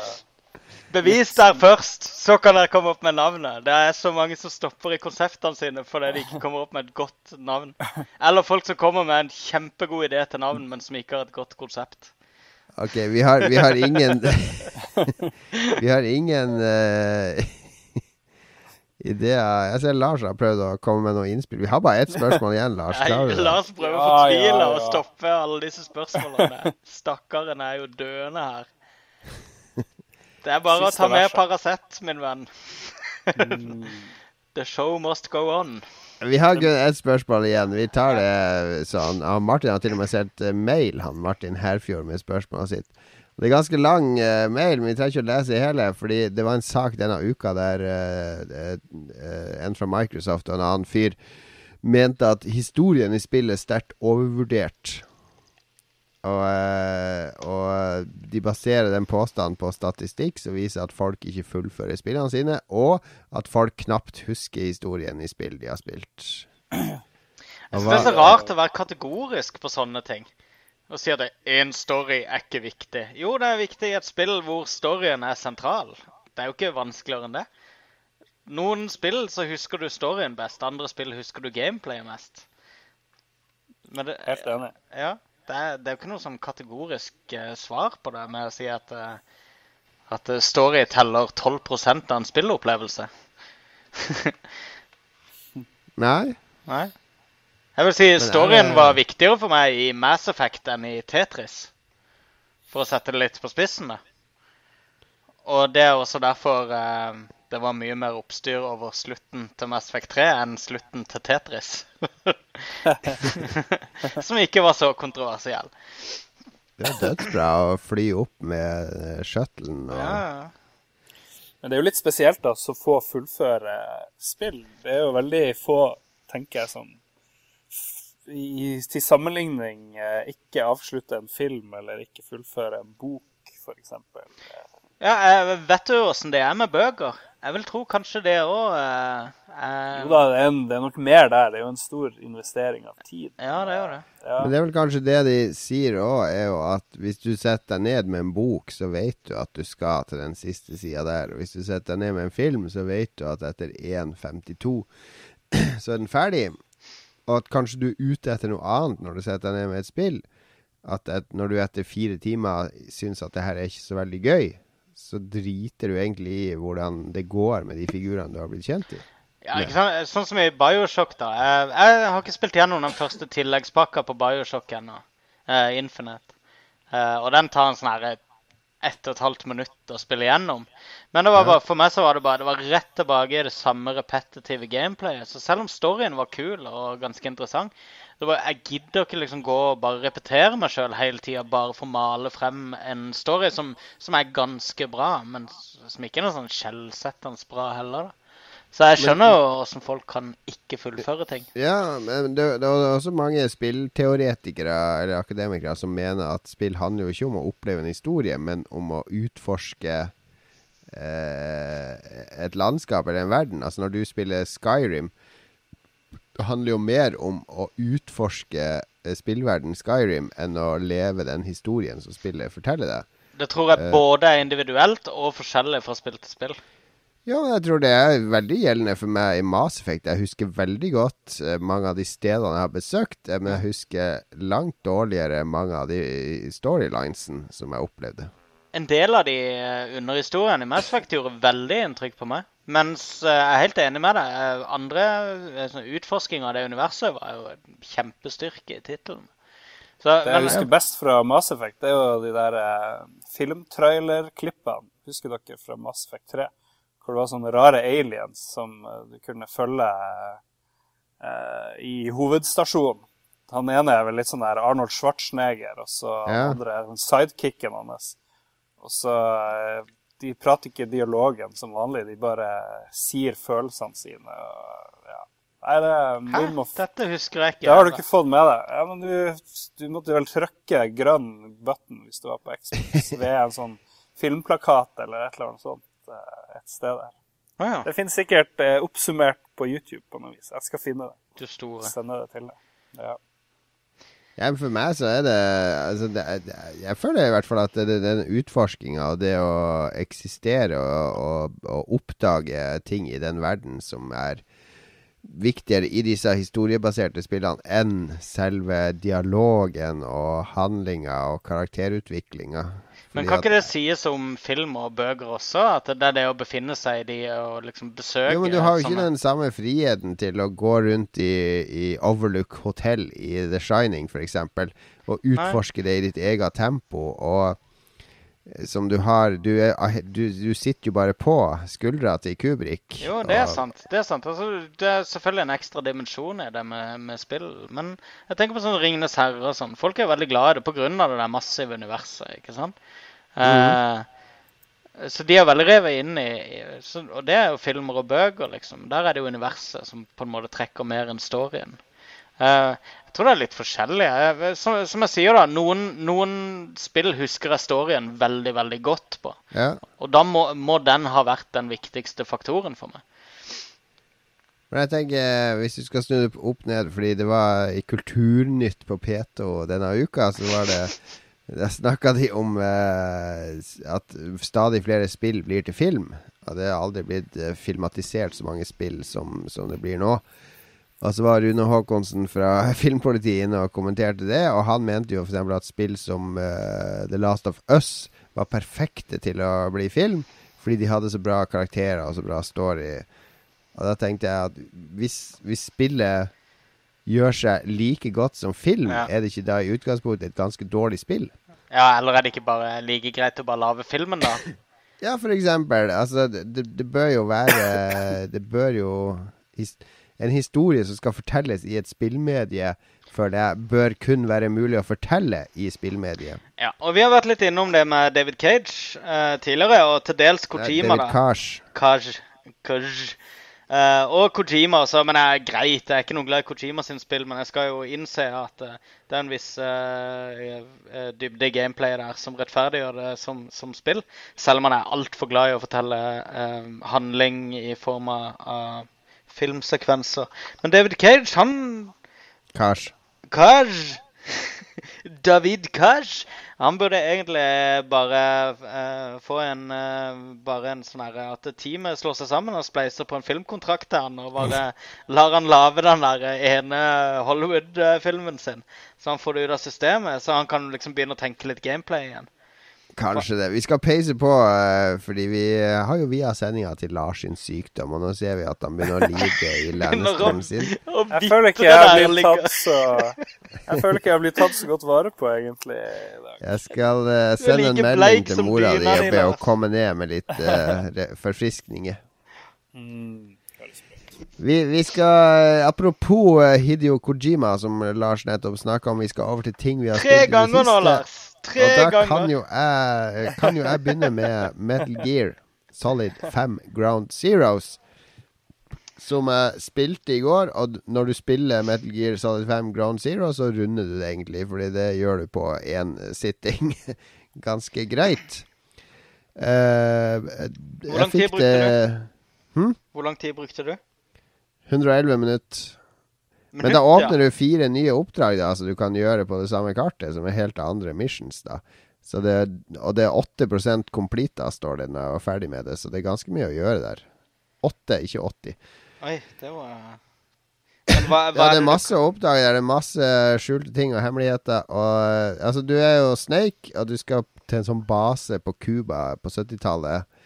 Eh, som er eh, egentlig et ikke så subtilt eh, sleivspark til Guantánamo Bay.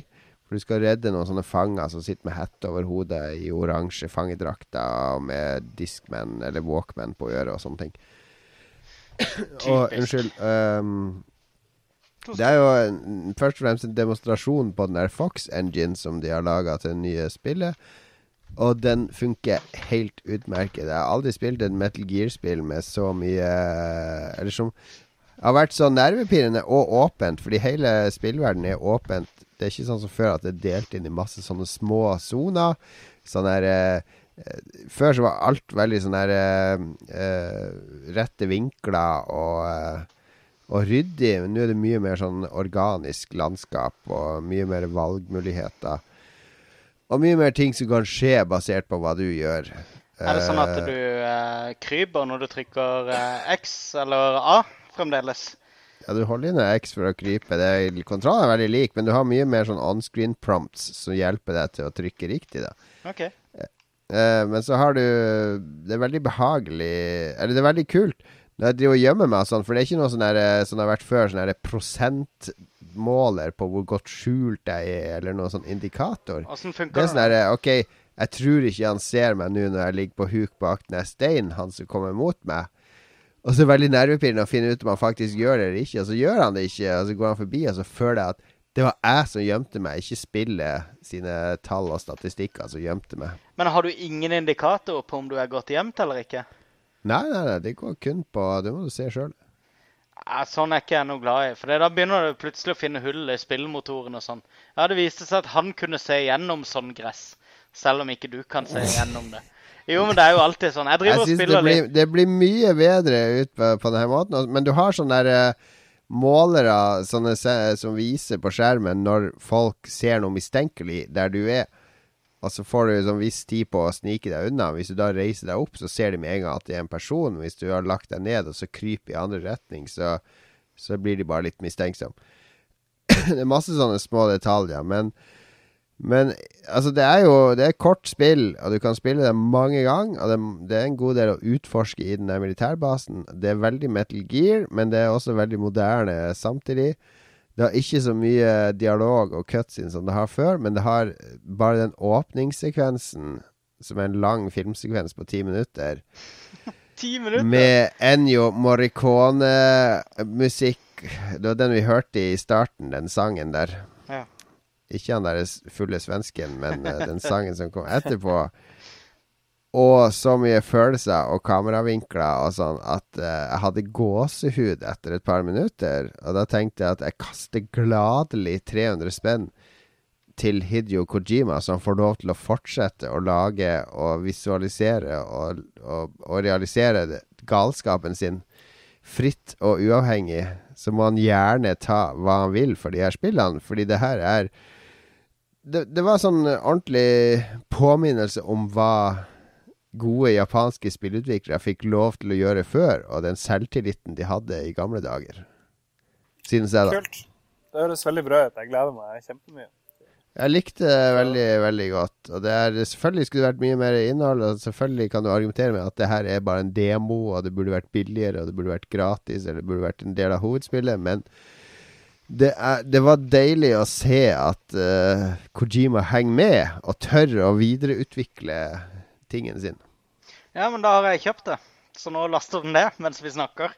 Så eh, nå skal jeg stole, der- stole på det, for det Var det det du satt og muta mikrofonen din og så til høyre der og ropte sånn der eh, Xbox, buy Metal Gear Solid!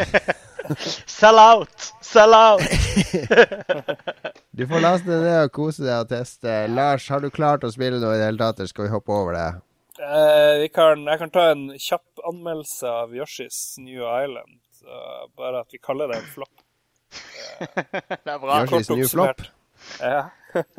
Nei da, det er et koselig spill, men eh, jeg har aldri helt klart å komme i det. Jeg hadde sinnssyke forhåpninger til, eh, til det der, men eh, det meste som kan gå galt der, det ser ut til å ha gått galt. De har til og med klart å få den sjarmerende eh, grafikken til å bli eh, skikkelig sånn merkelig og rar. For de har vel gått over fra sprites og 2D til at det er polygoner. Det var litt sånn upersonlig, syns jeg. ja. Ja, nei, det er et eller annet merkelig med det spillet. Så det er det hvis du tørster etter eh, Yoshi og eh, Det er jo de gode, gamle, søte lydeffektene, ikke sant. Ja. Likte jo det godt eh, forrige gang, for masse år siden. Men Det blekner i forhold til Donkey Kong Country Tropical Freeze, i hvert fall, syns jeg. det, det tror jeg du har helt rett i. Ja. Så Ja, eh, nok en flopp. Nok Magnus, du er på mobilspillkjøret, sier Ja, jeg. eh, jeg har jo egentlig bare spilt uh, Titanfall siden sist. Så uh, Ja. eh, Men nå sitter jeg jo på T-banen til skolen hver dag. Og uh, oppdaga uh, Threes. ja. Det er et fint Eh, spill. Det, var, det er storart, da. Jeg, jeg ble ordentlig imponert over å For det, det, det er spill der du har et rutenett med tall, og så skal Riktig. du dytte alle tallene sånn at eh, to og to like tall kommer sammen. Da dobler de seg. Og så og kan blir de doble blir seg igjen, og de dobler seg igjen. ja. Ja, og hver gang du gjør en bevegelse, så kommer det en ny brikke inn på, på brettet, så det er om å gjøre å liksom få brukt alle før det blir fullt, og du ikke kan gjøre flere bevegelser. ja. Um, ja, ble ganske hekta. Eh, eksempel på utrolig enkelt gameplay. Uh, jeg digger bare tutorialen i det. Eller sånn der du starter Ja. spillet, og du bare, du bare begynner spillet, rett og slett. Og idet de Ja. slipper det, så er du liksom i gang, og det tar ett minutt. Kjempebra tutorial, syns jeg, det spillet. Jeg syns det er briljant spill. Virkelig. Det begynte med at jeg ble anbefalt en kopi av det på nett for et par dager siden. Og så fant jeg ut at det, det var jo en sjelløs kopi av det ypperlige spillet Threes. Som for tida koster 14 kroner. Binary, eller hva de kaller det. Ja, riktig.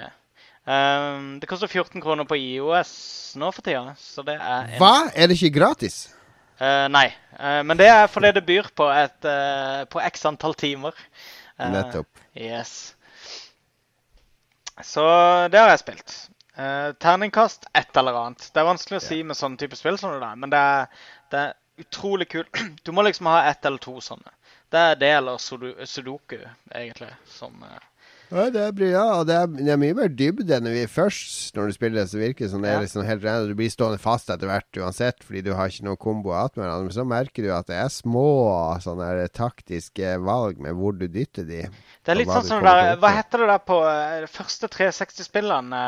Eh, var det Hexic det heter? Hexic. Ja. Det var dritbra, det òg. Og det begynte òg bare som sånn random klikke-mania. ikke sant? Og så bare ah, Nei, jeg kommer Ja, bare et, et visst stykke. Plutselig så jeg, jeg fikk skikkelig Jeg ble sånn maestro i det der spillet. Jeg ble sånn Kjempegod til å forutsi moves. Sånn her syv uh, Syv steg i forveien videre. Det Eh, er deilig med sånne spill. ja, og jeg har inntrykk av at uh, Threes også det, Jeg merker at det bare åpner seg mer og mer. da, At du kan, Mm. du kan være veldig strategisk. Bra, bra. Varmt anbefalt av Magnus. Absolutt. Altså. Da, Lars, er vi i havn? Juhu! Jeg, jeg har bare begynt å svette noe så jævlig. Skikkelig sånn ulekkert. Eh, febersvetting. Så Ja, vi skal, å- vi skal avslutte nå for din del. Vi er ikke bare i havn, vi er i Forest Haven fra eh, Legend of Zelda Windwaker. I Vi må jo si at vi, eh, vi skipper musikkonkurransen i dag.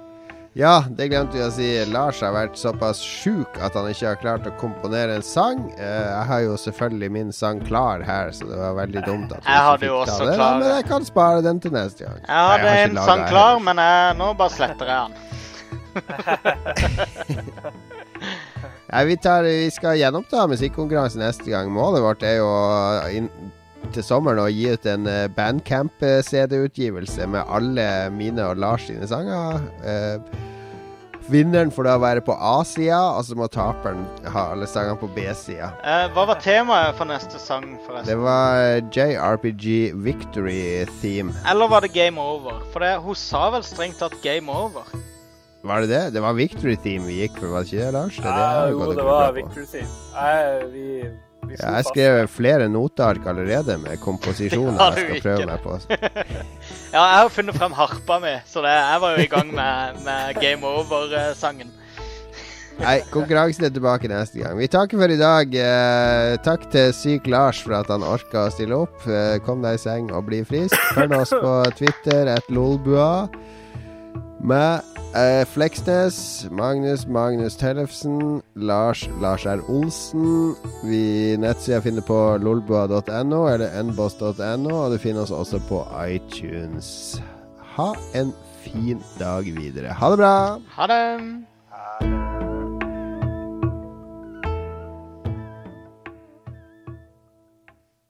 Har du et enkeltpersonforetak eller en liten bedrift? Da er du sikkert lei av å høre meg snakke om hvor enkelt det er med kvitteringer og bilag i fiken, så vi eh, gir oss her, vi. Fordi vi liker enkelt. Fiken superenkelt regnskap.